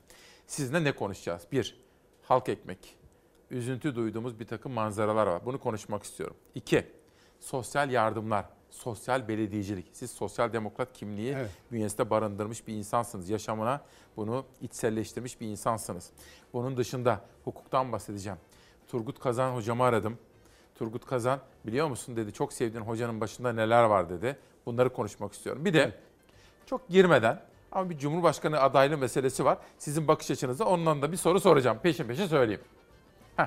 Değerli izleyenler müsaade ederseniz ben Yılmaz Büyükerşen hocama kahve mi çay mı hocam? Ne içelim? Su. Su içelim. Tamam. Ben bir çay içeceğim. Hocama da su ikram edeceğim. Sonra sohbetimiz devam edecek. 16 Aralık Perşembe sabahından güven nasıl kazanılır dediğimiz İsmail Küçükkaya ile Demokrasi Meydanı'nda Eskişehir Büyükşehir Belediye Başkanı Profesör Doktor Yılmaz Büyükerşen hocamızla sohbete devam ediyoruz. Ekmek meselesi var gündemde. Asgari ücret meselesi var. Faiz kolu para politikaları kurulunda alınması muhtemel kararları bugün konuştuk faizle ilgili. FED faizleri sabit tuttu. Bunun yansımalarını tartıştık. Bakanın abisi konuştu. Bunun yanlış olduğunu vurguladık. Temel gündem maddeleri bunlardı. Bunun dışında öğrenmemiz gerekenler var efendim. Hazır Türkiye çok kritik bir sürece girmişken neler yapmalı ve bu kritik süreçten sağ salim çıkmak için deneyimli bir isimle Yılmaz Büyükelçen'le sohbetimiz devam edecek. Bir fotoğraf gelsin Eskişehir'den. Hocam şimdi ekmek meselesi temel mesele ve ekmek gündemde. Bu konuda hazırladığımız bir haberimiz var. Haberimizi Savaş hazır mıyız? İzleyelim lütfen. Hesapla alırız ekmeği. 125 kuruş çok iyi. Bu şekilde giderse halk memnun. Herkes bak alıyor bütçesine göre. Çocuğu olanlar var. Aile geçimli zor, zor durumda olanlar var. Kirası olanlar var. Bir, yani 5 tane ekmek alsan 10 lira şu an. Burada alıyorsun 5 tane ekmek. 6,5 lira. Yani halk ekmeğinin çıkmasından böyle devam etmesinden memnunuz. İnşallah böyle devam eder. Herkes e, hem alır ekmeğini hem dua eder. Ekmek konusu biliyorsunuz hayatın şeyidir bizim. Parçamızdır. Olmadan hayat olmaz. Ekmek olmasa millet zaten peki perişan zaten. Millet perişan oldu zaten. Bu zamlar milleti mahvetti abi. Vallahi mahvetti. Para yetiştiremiyoruz ki. Eme- biz emekliyiz. Emekli parası yetişmiyor ki. Aldığımız 2 lira, 2,5 lira para. Yetişmiyor ki para. Abi burası 100 1.25 öbür tarafı 2 lira. Biz burada alıyoruz. Belediyede alıyoruz. Belediye olmasa millet aç. Halk ekmeği öbür ekmeklere göre hesaplıdır. O yüzden bunu tercih ediyorum. Gün olarak şey yapıyor. 8 lira karım var yani. 8 lira karım var. Şimdi bugün mesela ben sizlere sabah günaydın dedim.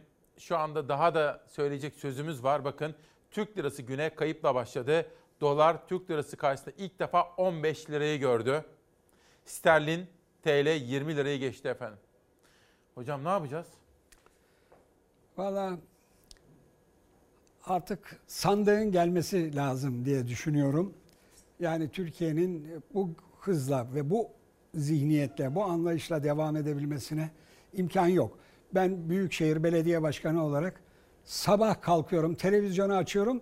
Nedir en son kurlar, döviz kurları diye. Öğleyi sabırsızlıkla bekliyorum. Tabii daireye gidince de, belediyeye gidince de hemen arkadaşlarımı topluyorum. Dış borçlarımıza ne kadar yük bindi bugün diye soruyorum. Öğlen bakıyoruz moralim bozuluyor. Akşam eve gidiyorum akşam son kurları görüyorum uykum kaçıyor. Yani böyle bir yaşam tarzı içerisindeyiz. Bu böyle devam edemez. En azından benim için kişisel olarak görüyorum ki gidiş hiç iyi değil. Bu Eskişehir'deki Eskişehir Büyükşehir Belediyesi'nin halk ekmek, halk süt, efendim halk yumurta gibi temel gıda maddeleri için ucuza, aracısız olarak üreticiden tüketiciye intikali için kurmuş olduğumuz büfeler. Büfelerde yapıyoruz bu işi. Ekmek fiyatı mesela 1 lira 25 kuruştur. Halen zararına ama mecburuz buna. Çünkü çok iyi biliyorum ki 8-9 somun alanlar var. Yani neyi katık yapıyorlar onu da şaşırıyorum. Hani bazen söylerlerdi e, rahmetli ben ikinci çocukluğum 2. Dünya Savaşı dönemine rastlar. Rahmetli babaannem komşuların fakir komşularından bahsederken herhalde tencereye taş koyup kaynatıyorlar, suyunu içiyorlar derdi. Hiç aklımdan çıkmıyor. Bugün yeniden hatırlamaya başladım o günleri. Nasıl katık yapıyorlar o somunlarla geçinmeye çalışıyorlar. Şimdi e, biz bununla aracıları yani aralardaki fiyat artış sebeplerini orta yerden kaldırıyoruz. Belediye olarak tam bir sosyal belediyecilik yapma dönemine girdik. Bu sadece şehirde değil. Şimdi 42 tane daha bu büfelerden isteniyor. Şehirde hali hazırda var olanlardan. Her gün sabahleyin önünde böyle kuyruklar oluyor. Verin hocam. Mümkün olduğu Efendim, kadar. ve mümkün olduğu kadar veriyoruz ama Eskişehir Büyükşehir Belediyesi bütün Orta Avrupa şehrini andırmasına, o kent içi ulaşımında tramvaylarının olmasına ki tramvay şebekemiz de zarar ediyor. Hele bu pandemi döneminde çok zarara uğradık. Bunları ben e, seçilir seçilmez Avrupa Yatırım Bankası ile Kuzey Ülkeleri Yatırım Bankası'ndan dış kredi olarak aldım. Hem de projeleri o kadar çok beğendi ki adamlar o güne göre çok iyi imkanlarla verdiler borcu bize. 20 yıl vadeli 5 yıl ödemez 0.75 faiz gibi e, bir sistemde çalıştılar bizimle. E, Hatta Türkiye'nin de o tarihlerde kredibilitesi yoktu. Götürdüğüm dosyalar kolumun altında Avrupa'daki bankalara gittiğim zaman, e, yatırım bankalarına gittiğim zaman bana dediler ki valla Türkiye'nin kredibilitesi yok. O dönemi de hatırlarsanız yine böyle ekonomik Evet. krizler vardı. Bütçeye kaynak aranıyordu. Hatta bir tanesi e, Avrupa Yatırım Bankası'ndaki bir uzman geçen haftada e, Sayın Kemal Derviş geldi bütçe imkanlarını arttırmak için buraya. Onun için bırakın da bir bakalım ama fazla ümitlenmemenizi tavsiye ederim dedi. Çok moralim bozuk bir şekilde döndüm. Belediye başkanı olduğuma da pişman oldum. Çünkü neden? Ben seçildikten 3 ay sonra büyük deprem oldu. Deprem afetinde rahmetli Bülent Ecevit Başbakan belediyeyi büyük bir borçla devralmış vaziyetteyim. Kadrolar eksik. Efendim araç gereç makine parkını Başbakanlığın emriyle Körfez bölgesine gönderdik. Orada daha fazla tahribat, deprem tahribatı olduğu için enkazları kaldırmak üzere. Bir sene orada kaldılar. Bir çivi çakamadım. Öyle ki bir yılın sonlarına doğru, o birinci yılın sonlarına doğru caddede yürürken bana hatır soranlar, gülenler, işte bütün vatandaşlarım birdenbire yanımdan geçerken yüksek sesle biri diğerine elimiz kırılsaydı da oy vermeseydik dediklerini duyurmak gayretinde olduklarını da görüyordum. Fakat aradan bir süre geçti. Ee, Avrupa Yatırım Bankası ile e, Kuzey Ülkeleri Yatırım Bankası davet ettiler. Gelin dediler. Projelerinizi görüşeceğiz sizin. Baktılar dediler ki projeleriniz e, hakikaten bir Orta Avrupa şehri yaratmak istiyorsunuz. Ve uygun faizlerle Çok aldınız. uygun. Size dediler bu krediyi veriyoruz. Harika. Güzel. Şimdi devam edelim. Fakat borç tabii. Krediyi alıyorsunuz Ama da şimdi- şimdiki durum. Hemen şununla tamamlayayım cümlemi. Ee, ve biz o günden bugüne e, gerek ana para gerek faizleri itibariyle hangi tarihlerde ödeyeceksek Hesap İşleri Daire Başkanlığı'na dedim ki vadenin bitiminden 3 gün önce karşıdaki bankanın eline geçecek göndereceğiz taksidi. Hem Türkiye'nin itibarını kurtarmak hem de Büyükşehir Belediyesi'nin belediyemizin itibarını kurtarmak için, kredibilitesini kurtarmak için son derece önemliydi. Öyle yapıyorlardı. Peki. Şimdi, Şimdi hocam- geçen ay e, son cümlemi tamamlayayım. Ee, geçen ay 66 milyon taksit süremiz gelmişti. Bir ay geçti Kasım'dan bu yana. Birdenbire borcumuz ne kadar oldu biliyor musunuz? 99 milyon. Küsuratı da var. Türk lirası değer kaybedince Evet. Ve muazzam bir yük bindi. Bu sadece bizde değil. Bütün Bu aslında AKP belediyelerinde de var ama nasıl çözüm buluyorlar bilemiyorum. Ve e, bu durum karşısında birinin belediyelerin kabahati değil kurların artışı. geçenlerde o zaman geçenlerde çok özür diliyorum efendim. Biraz diyalog gibi olsun böyle. Ee, Mehmet Özsaseki'yi aramıştım. O sırada işte Adalet ve Kalkınma Partili belediyeler vardı. Sonra bir başkasıyla konuştum. Dedi ki dertliyiz aynen sizin gibi. Onlar da bu ülkenin belediye başkanları. Fakat sorunları şöyle, şöyle çözüyor iktidar. Kaldırıyor bir tanesi isim vermeyeyim AK Partili belediye. Sizin yaşadığınız gibi sorunlardan bahsediyor. Orada bakan var veya bakan yardımcıları var. Hemen Maliye Bakanlığı'ndaki bakan yardımcısı kalkıyor hallederiz diyor. Öbürü gidiyor hazineden bir temsilci var arazi satarız oradan filan diyor. Yani iktidar ve muhalefet partisi arasında böyle bir farklılık var herhalde. Bir habere geçeceğiz. Çok özür diliyorum. Savaş hazır mıyız? Üretici. Bir de şimdi Yılmaz Büyükelçin hocamız sosyal belediyecilikten bahsetti ya efendim. Bu zorlu dönemde hayatın bu kadar pahalı olduğu, yaşamanın bu kadar güç olduğu bu zorlu şartlar altında üreticiyi de desteklemek durumundayız. Demiştiniz ya Sayın Cumhurbaşkanım ekilmedik bir dönüm bir karış yer kalmasın diye. Evet sizin sözünüzü dinledik ektik. Sonuç bu. Günah bizlere günah günah. Bu insanlar üreterek batıyor. Alan yok sorun yok. Mis gibi kokusuyla ve lezzetiyle ünlü Çanakkale domatesi tarlada kaldı. Satamadığı için 400 ton domatesi çürüyen, borç yükü altında ezilen Çanakkale'li çiftçi üreterek batıyoruz diyerek sesini duyurmaya çalıştı. Burada 400 ton mal var şu anda. 400 ton mal çürümeye terk ettik. Biz bu malı satamazsak borcumuzu nasıl ödeyeceğiz? Sayın Cumhurbaşkanım bizi kim kurtaracak? Üreterek batıyoruz. Üreterek batmak böyle bir şey. Ekilmeyen arazilerin yanı sıra ekilip gübre atılmayan araziler vardır. Çiftçilerimiz ekilmemiş tek karış toprak bırakmayacaktır. Denileni yaptı, 40 dönüm arazisini boş bırakmadı Cahit Ak. 42 bin domates fidesini toprakla buluşturdu. Toprak ona hak ettiği ürünü verdi ama ticarette alın teri döktüğü emeği karşılığını bulamadı. 400 ton domatesi satılamayınca dalında çürüyüp gitti. Domates yerinde 70 kuruş, pazarda 10 lira. Tezgahta, markette 10 lira. Ondan sonra çiftçi klimalı motora biniyor. Çiftçi şunu yapıyor, çiftçi bunu yapıyor. Çiftçimizi hem enflasyona hem yaşanan sorunlara ezdirmeyelim. Tarım stratejik bir alandır. Partiler üstü bir durumdur. CHP'li Ömer Fethi Gürer mecliste yaptığı basın toplantısında çiftçinin kazanmasının stratejik önemine vurgu yaptı. Gübre fiyatlarını ve gübresiz ekilen toprakları vurguladı. Amonyum sulfat gübre 2020 yılında 1100 lirayken 2021 yılında yani bugün için 9000 liradır ton fiyat. Can gübre 1160 lirayken ton fiyatı bugün 9000 liradır. DAP gübre 2140 lirayken bugün 14700 liradır. Üre gübre 1860 lirayken bugün 14700 liradır. 20-20 gübre 2140 lirayken ton fiyatı bugün 8800 liradır. Gürer, gübre atılmayan toprakları aktarırken yaşanacak verim kaybının gıda yoksunluğuna neden olacağı konusunda uyardı. Kimin iyi, kimin kötü, kimin başarılı, kimin başarısız olduğundan daha önemlisi gıdaya erişimde yaşanabilecek sorunlarla bu ülkenin yokluğu, yoksulluğu artma durumudur. Satacağız malımızı, mülkümüzü, yerimizi, yurdumuzu, borcumuzu ödeyeceğiz. Yapılacak bir şey yok.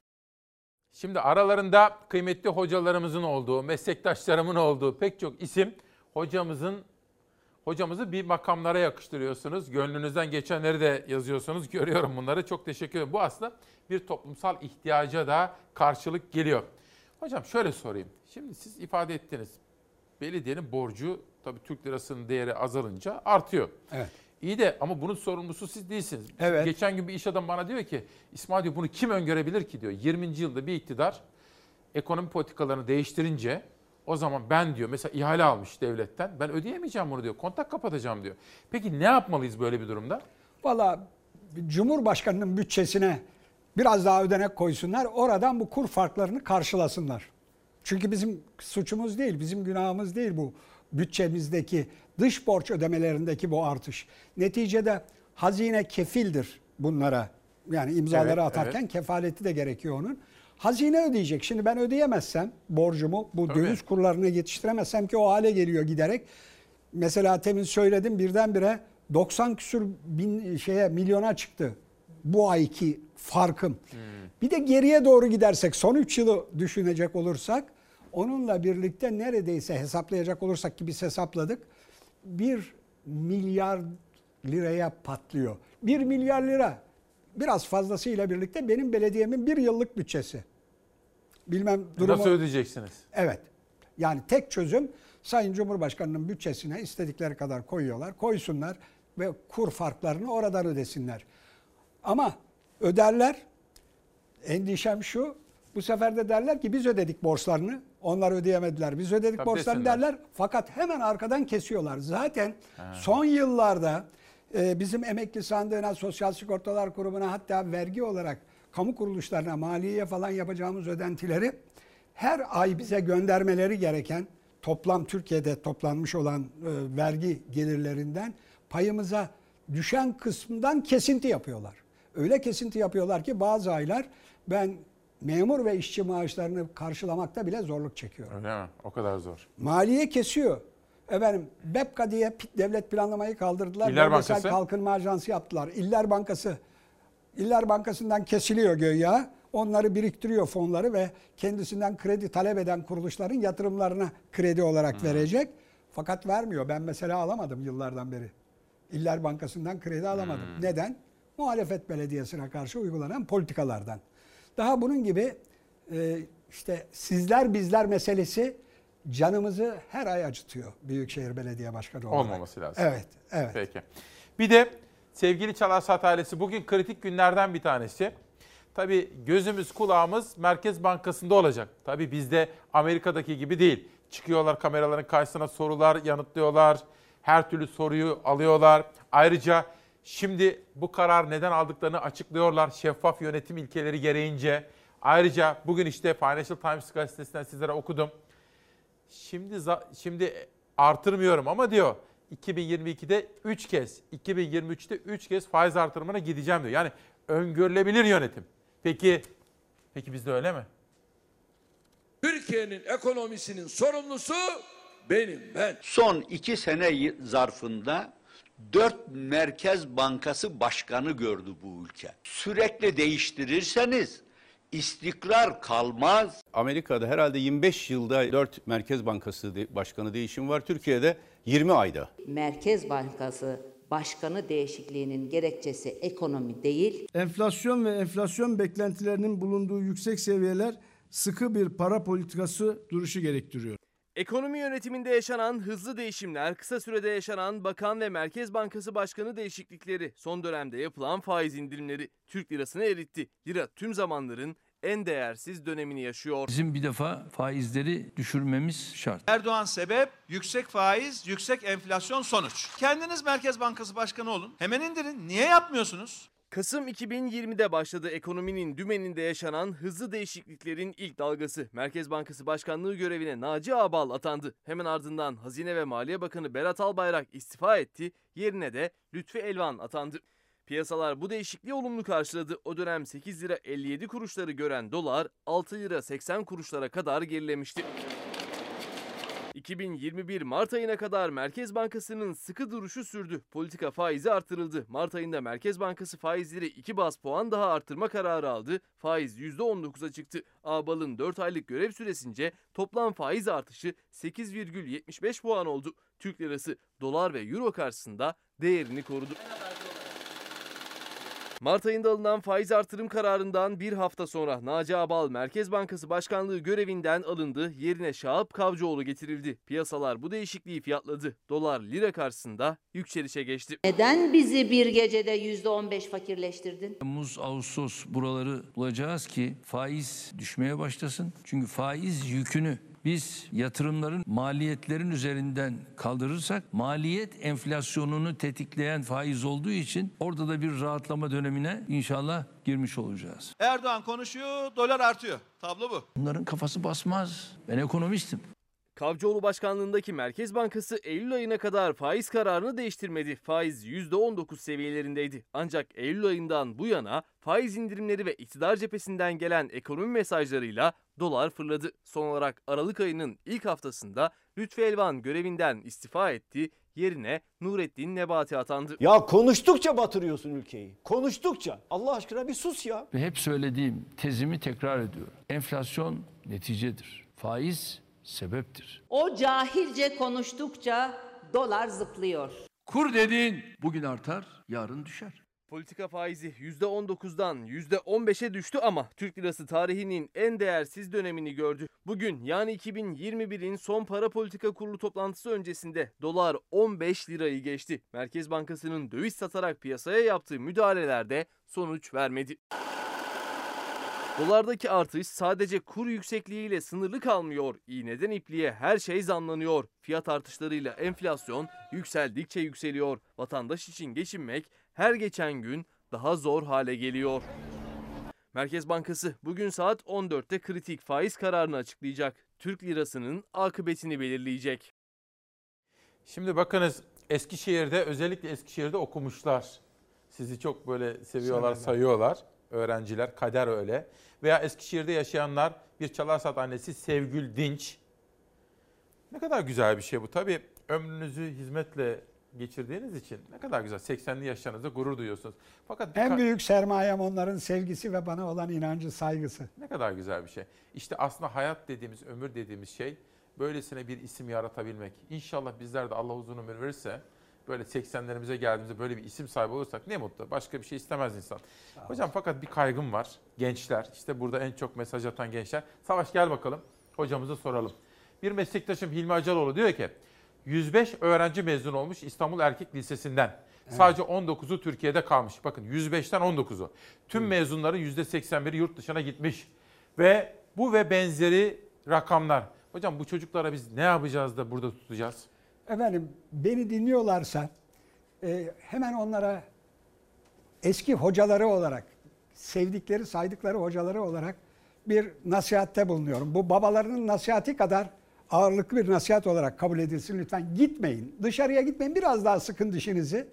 Yani bu karanlıklar dağılacak, aydınlığa kavuşacağız ve oy sahibi hepsi. Oylarını kullanıp hem bugün burada yaşayanlar hem de yakın gelecekte onlara katılacak olan gençler için yani çocuklarımız için bir Türkiye yaratmak istiyorlarsa gitmesinler.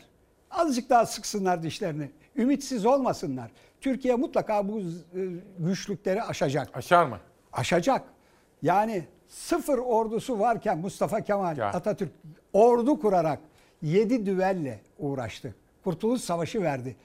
Aya, askerinin askere topladığı ve onlarla kurduğu ordudaki askerin ayağına verecek, giydirecek çorabı dahi yoktu malzeme olarak. Köylüler yıkadılar, giydirdiler kendi çoraplarını. Çarıklarını giydirdiler ve top tüfeğin yanında bir tek güvendikleri süngüleri vardı. Süngüleriyle savaştılar.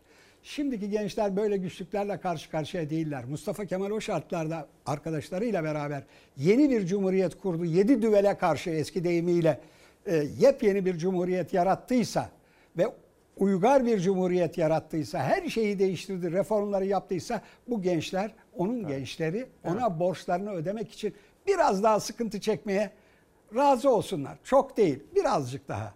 Çalışsınlar, ne çabalasınlar. Güzel. Yani biz elimizden geleni yapmaya çalışıyoruz. Seçmenlik gücünü ellerinde bulundursunlar. Ne kadar güzel. Siz ben 4-5 yıl evvel sizi ziyaret etmiştim. Bana git bak şu hocayla tanış demiştiniz. Şaduman Hanım mıydı? Profesör. Evet. Genç ama evet. genç yaşta evet. profesör evet. olmuş. Evet. Bir Atatürk Müzesi'nde görev yapıyordu. O da böyle Aynen. anlatmıştı bana. Kuvayi Milliye döneminde neler, Doğru. hangi şartlarda bir oradaki müzeden bahsetmişti. Hocam bir de şimdi bir seçime doğru gidiyoruz. Cumhurbaşkanlığı seçim. Buradaki ben şimdi söylemek istemiyordum ama burada pek çok arkadaşım işte Elif'inden işte Ali hocamıza pek çok kişi böyle Cumhurbaşkanı adayı, Cumhurbaşkanı adayı falan diye e, sizinle ilgili böyle yorumlarda bulunmuşlar. Ne diyorsunuz şimdi biz Cumhurbaşkanı seçiminde Sayın Erdoğan karşısına kim çıkacak sizce? Valla sağ olsunlar. Bana sorarsanız bizim partinin genel başkanı derim. Diğer partilere sorarsanız onlar da mutlaka kendi partilerinin liderlerini aday olarak göstereceklerdir.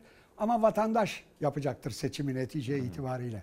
O bakımdan son derece önemli ve doğru olanı yapacaktır. Türk ulusunun doğru karar vereceğini sandık önüne konduğu zaman bu sefer doğru isimleri seçeceğini. Çünkü bu bir geçiş dönemidir. Fevkalade önemlidir. Hmm. Ve Cumhuriyeti eski Cumhuriyet'in revize edilmiş, daha güçlendirilmiş, kuvvetlendirilmiş bir yönetim modeliyle referanduma götürecek birisi lazım. Hmm. Bu mutlaka çıkacaktır siyasetçilerimiz Şimdi ben arasında. her gittiğim yerde tabii biz politikte bir program yaptığımız için hani siyasilere de yakınız. Bütün partilerle de görüşüyoruz. İktidarla da, muhalefetle de.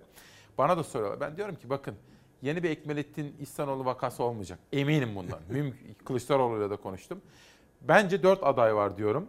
Ama bunun dışında yani şöyle olabilir. Birazcık daha genişletmemi isterlerse ben eminim şu andaki aktif siyasetlik isimlerden biri olacak. Böyle dışarıdan birisi falan olmayacak. Bunlar... Zaten iki buçuk yıl, iki iki buçuk yıllık en fazla bir süredir geçişi tarafsız olarak ve Atatürk ilkeleri ile kurulmuş olan Cumhuriyet'in hmm. revize edilmiş çağdaş modern bir modelini kuracak birisine ihtiyacımız var. Çünkü hocam Cumhuriyetimiz 100 yaşına giriyor 2023'te değil mi? O evet, Cumhuriyet'in evet. 100. yılında Çok önemli. olağanüstü önemli.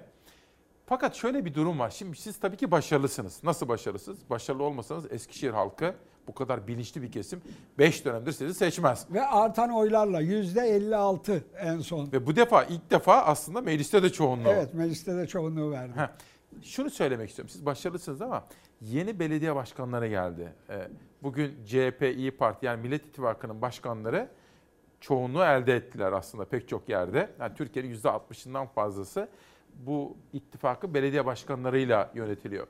Bunlar başarılı olursa seçimde etkisini gösterecek. Aynen. Bu belediye başkanları toptan söylüyorum. Bir tanesini iki tanesini ayırarak değil. Başarısız olurlarsa da sonuçta sandıkta göreceğiz öyle değil mi? Ama başarılı olacaklar çünkü tanıyorum. En azından ben Büyükşehir'deki 11 arkadaşımı tanıyorum. Büyük şehirlerimizdeki Büyükşehir Belediye Başkanı arkadaşlarımı. Hepsi çok idealist, çok Atatürkçü, çok laik, çok demokrat, hukuk devleti özlemi içerisinde olan insanlar. Sosyal yönleri çok gelişmiş arkadaşlar. Yani neredeyse üstümüzdeki ceketi, paltoları çıkarıp birilerine yani ihtiyacını olduğunu gördüğümüz kişilere giydirecek kadar e, candan her şeyi yapan arkadaşlarım, hizmetleri yapan arkadaşlarım. Eskişehir'e davet ettiniz mi? Onlar çünkü farklı farklı illere de gidiyorlar. En son Hatay'a gittiler. Eskişehir'e gelecekler mi? Efendim ben Hatay'a gidemedim. Hatay'a gidemeyişimin sebebini de söyleyeyim. Nedir?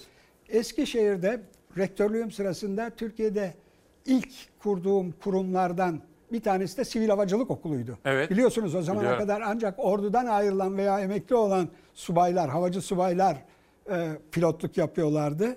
E, koşullara da her zaman uymayabiliyor savaş pilotuyla yolcu uçağı pilotu ve havacılık sektörü bir türlü gelişme gösteremiyordu. Şimdi hemen her ülkeye bayrağımızı taşıyoruz diye iftihar ediyoruz, gururlanıyoruz ama onların içerisinde büyük bir çoğunluğu benim kurduğum Sivil Havacılık Okulu'ndan e, kuruldu. Havaalanı yaptık. Havaalanını Bu açık eski, öğret hava, eski hava kuvvetlerinin olduğu yere mi? her eski hava kuvvetlerinin. Kurtuluş Savaşı'ndaki e, uçaklarımızın inip kalktığı Hmm. Mutallip Çayırı dediğimiz yere kurdum. Büyük bir havaalanında yaptık. Havaalanında pistiyle, terminal binalarıyla basit, çok lüks değil, gösterişli falan değil. Ama açık Ulaşlar. öğretim öğrencilerinin harçlar parasıyla yaptık. Havacılık sporu kulübü kuruldu. O ves onları vesile Ha, ederek kurdu. Onun için gidemediniz. Ha, hayır. Kuruldu. Büyük uçakların inip kalkabildiği kadar bir alan. Ama benim zamanımda ve benim tarafımdan yapıldığı için ki hükümet sonradan bir 250 metrelik uzatma yaptı. O kadarlık katkısı vardır. Ee, uçak seferlerini karlı değil diye değişik uçuş programları, Eskişehir'e geliş gidiş programlarını da müşterinin talip olmayacağı saatlere koyduğu için bir türlü seferler yapılamıyor. Hem Türkiye içinde hem Türkiye dışında. Bir tek charter uçaklar yaz aylarında bizim Emirdağ Kütahya yakındır biliyorsunuz. Oradaki işçiler gelip gidiyorlar. Ee, charter uçakları tutuyorlar. Şimdi uçak olmadığı için, uçak seferi olmadığı için benim Ankara'ya otobüste veya İstanbul'a arabayla, otomobille gelmem. Oradan uçağa binip gitmem. Ondan sonra oradan uçakla binip yine İstanbul'a veya Ankara'ya inip oradan yine otomobille Eskişehir'e gitmem gibi benim günlerimi, zamanımı ve Gidemediniz onun için. onun için bazılarına uzak olan yerlere gidemedim. E Peki siz onları Ama- davet edin. Efendim onlar sıra gelecek sırayla Eskişehir'e. yapıyoruz. Görsünler Ama- Eskişehir'i. Ama Eskişehir'i biliyorlar. Vaktiyle İstanbul'un Sayın e, Büyükşehir Belediye Başkanı da dahil olmak üzere seçimlerden evvel geldiler gördüler. Ben hemen her ay mutlak surette Eskişehir'de diğer partilerden belediye başkanları da dahil teknik ekipleriyle beraber misafir ağırlarım. Gelirler görürler. Size para da vermediler. Dört dönem azınlıktaydınız. Nasıl yaptınız bu işler diye. Bütün tesisleri gezerler. Ben onlara anlatır ipuçları vermeye çalışırım. Ve hepsi ondan sonra AKP'liler de dahil buna. AKP'li belediyeler de dahil.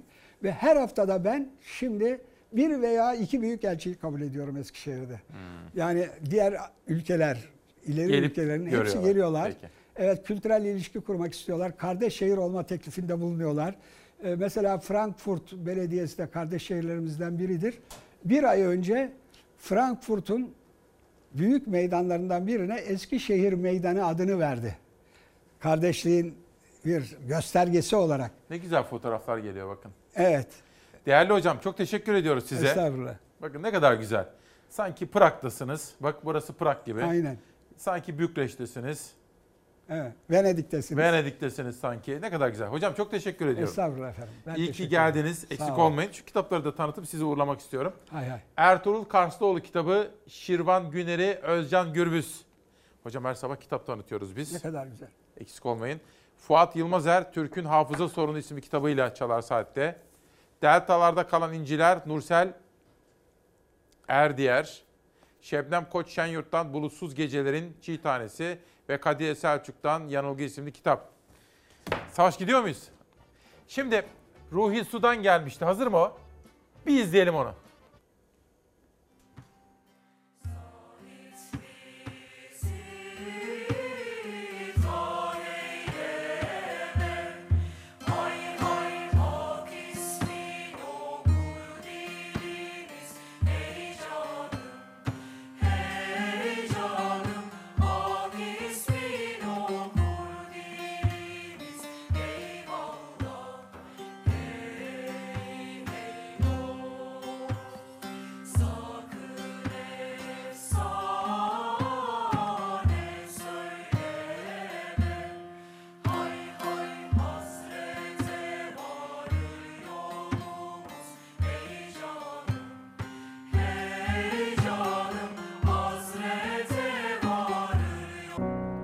Güven nasıl kazanılır dedik bu sabah ya. Önemli. Çünkü güven kaybetmek çok kolaydır. Ama güven kazanmak zordur. Uzun sınavlardan geçmeniz gerekir. Uyandığımız her sabah, yaşadığımız her gün sınavlardan geçeriz efendim. Güven böyle kazanılır. Bir sınavdan geçersin. Bu bizim için de geçerli. 9 yıldır her sabah sınava çıkıyorum sizin karşınızda. Bu bilinçle sizlerle buluşuyorum. Nursel Erdiyer Kanka isimli kitabıyla çalar saatte bu sabah. Cem Semercioğlu'ndan Gelin Evi, Türkiye'nin Gelin Evi. Çileli Yaşam ve Anılar Hüseyin Aydın'dan gelmiş. Tuğrul Tanyol'dan dokunmak üzerine bir dize geliyor efendim.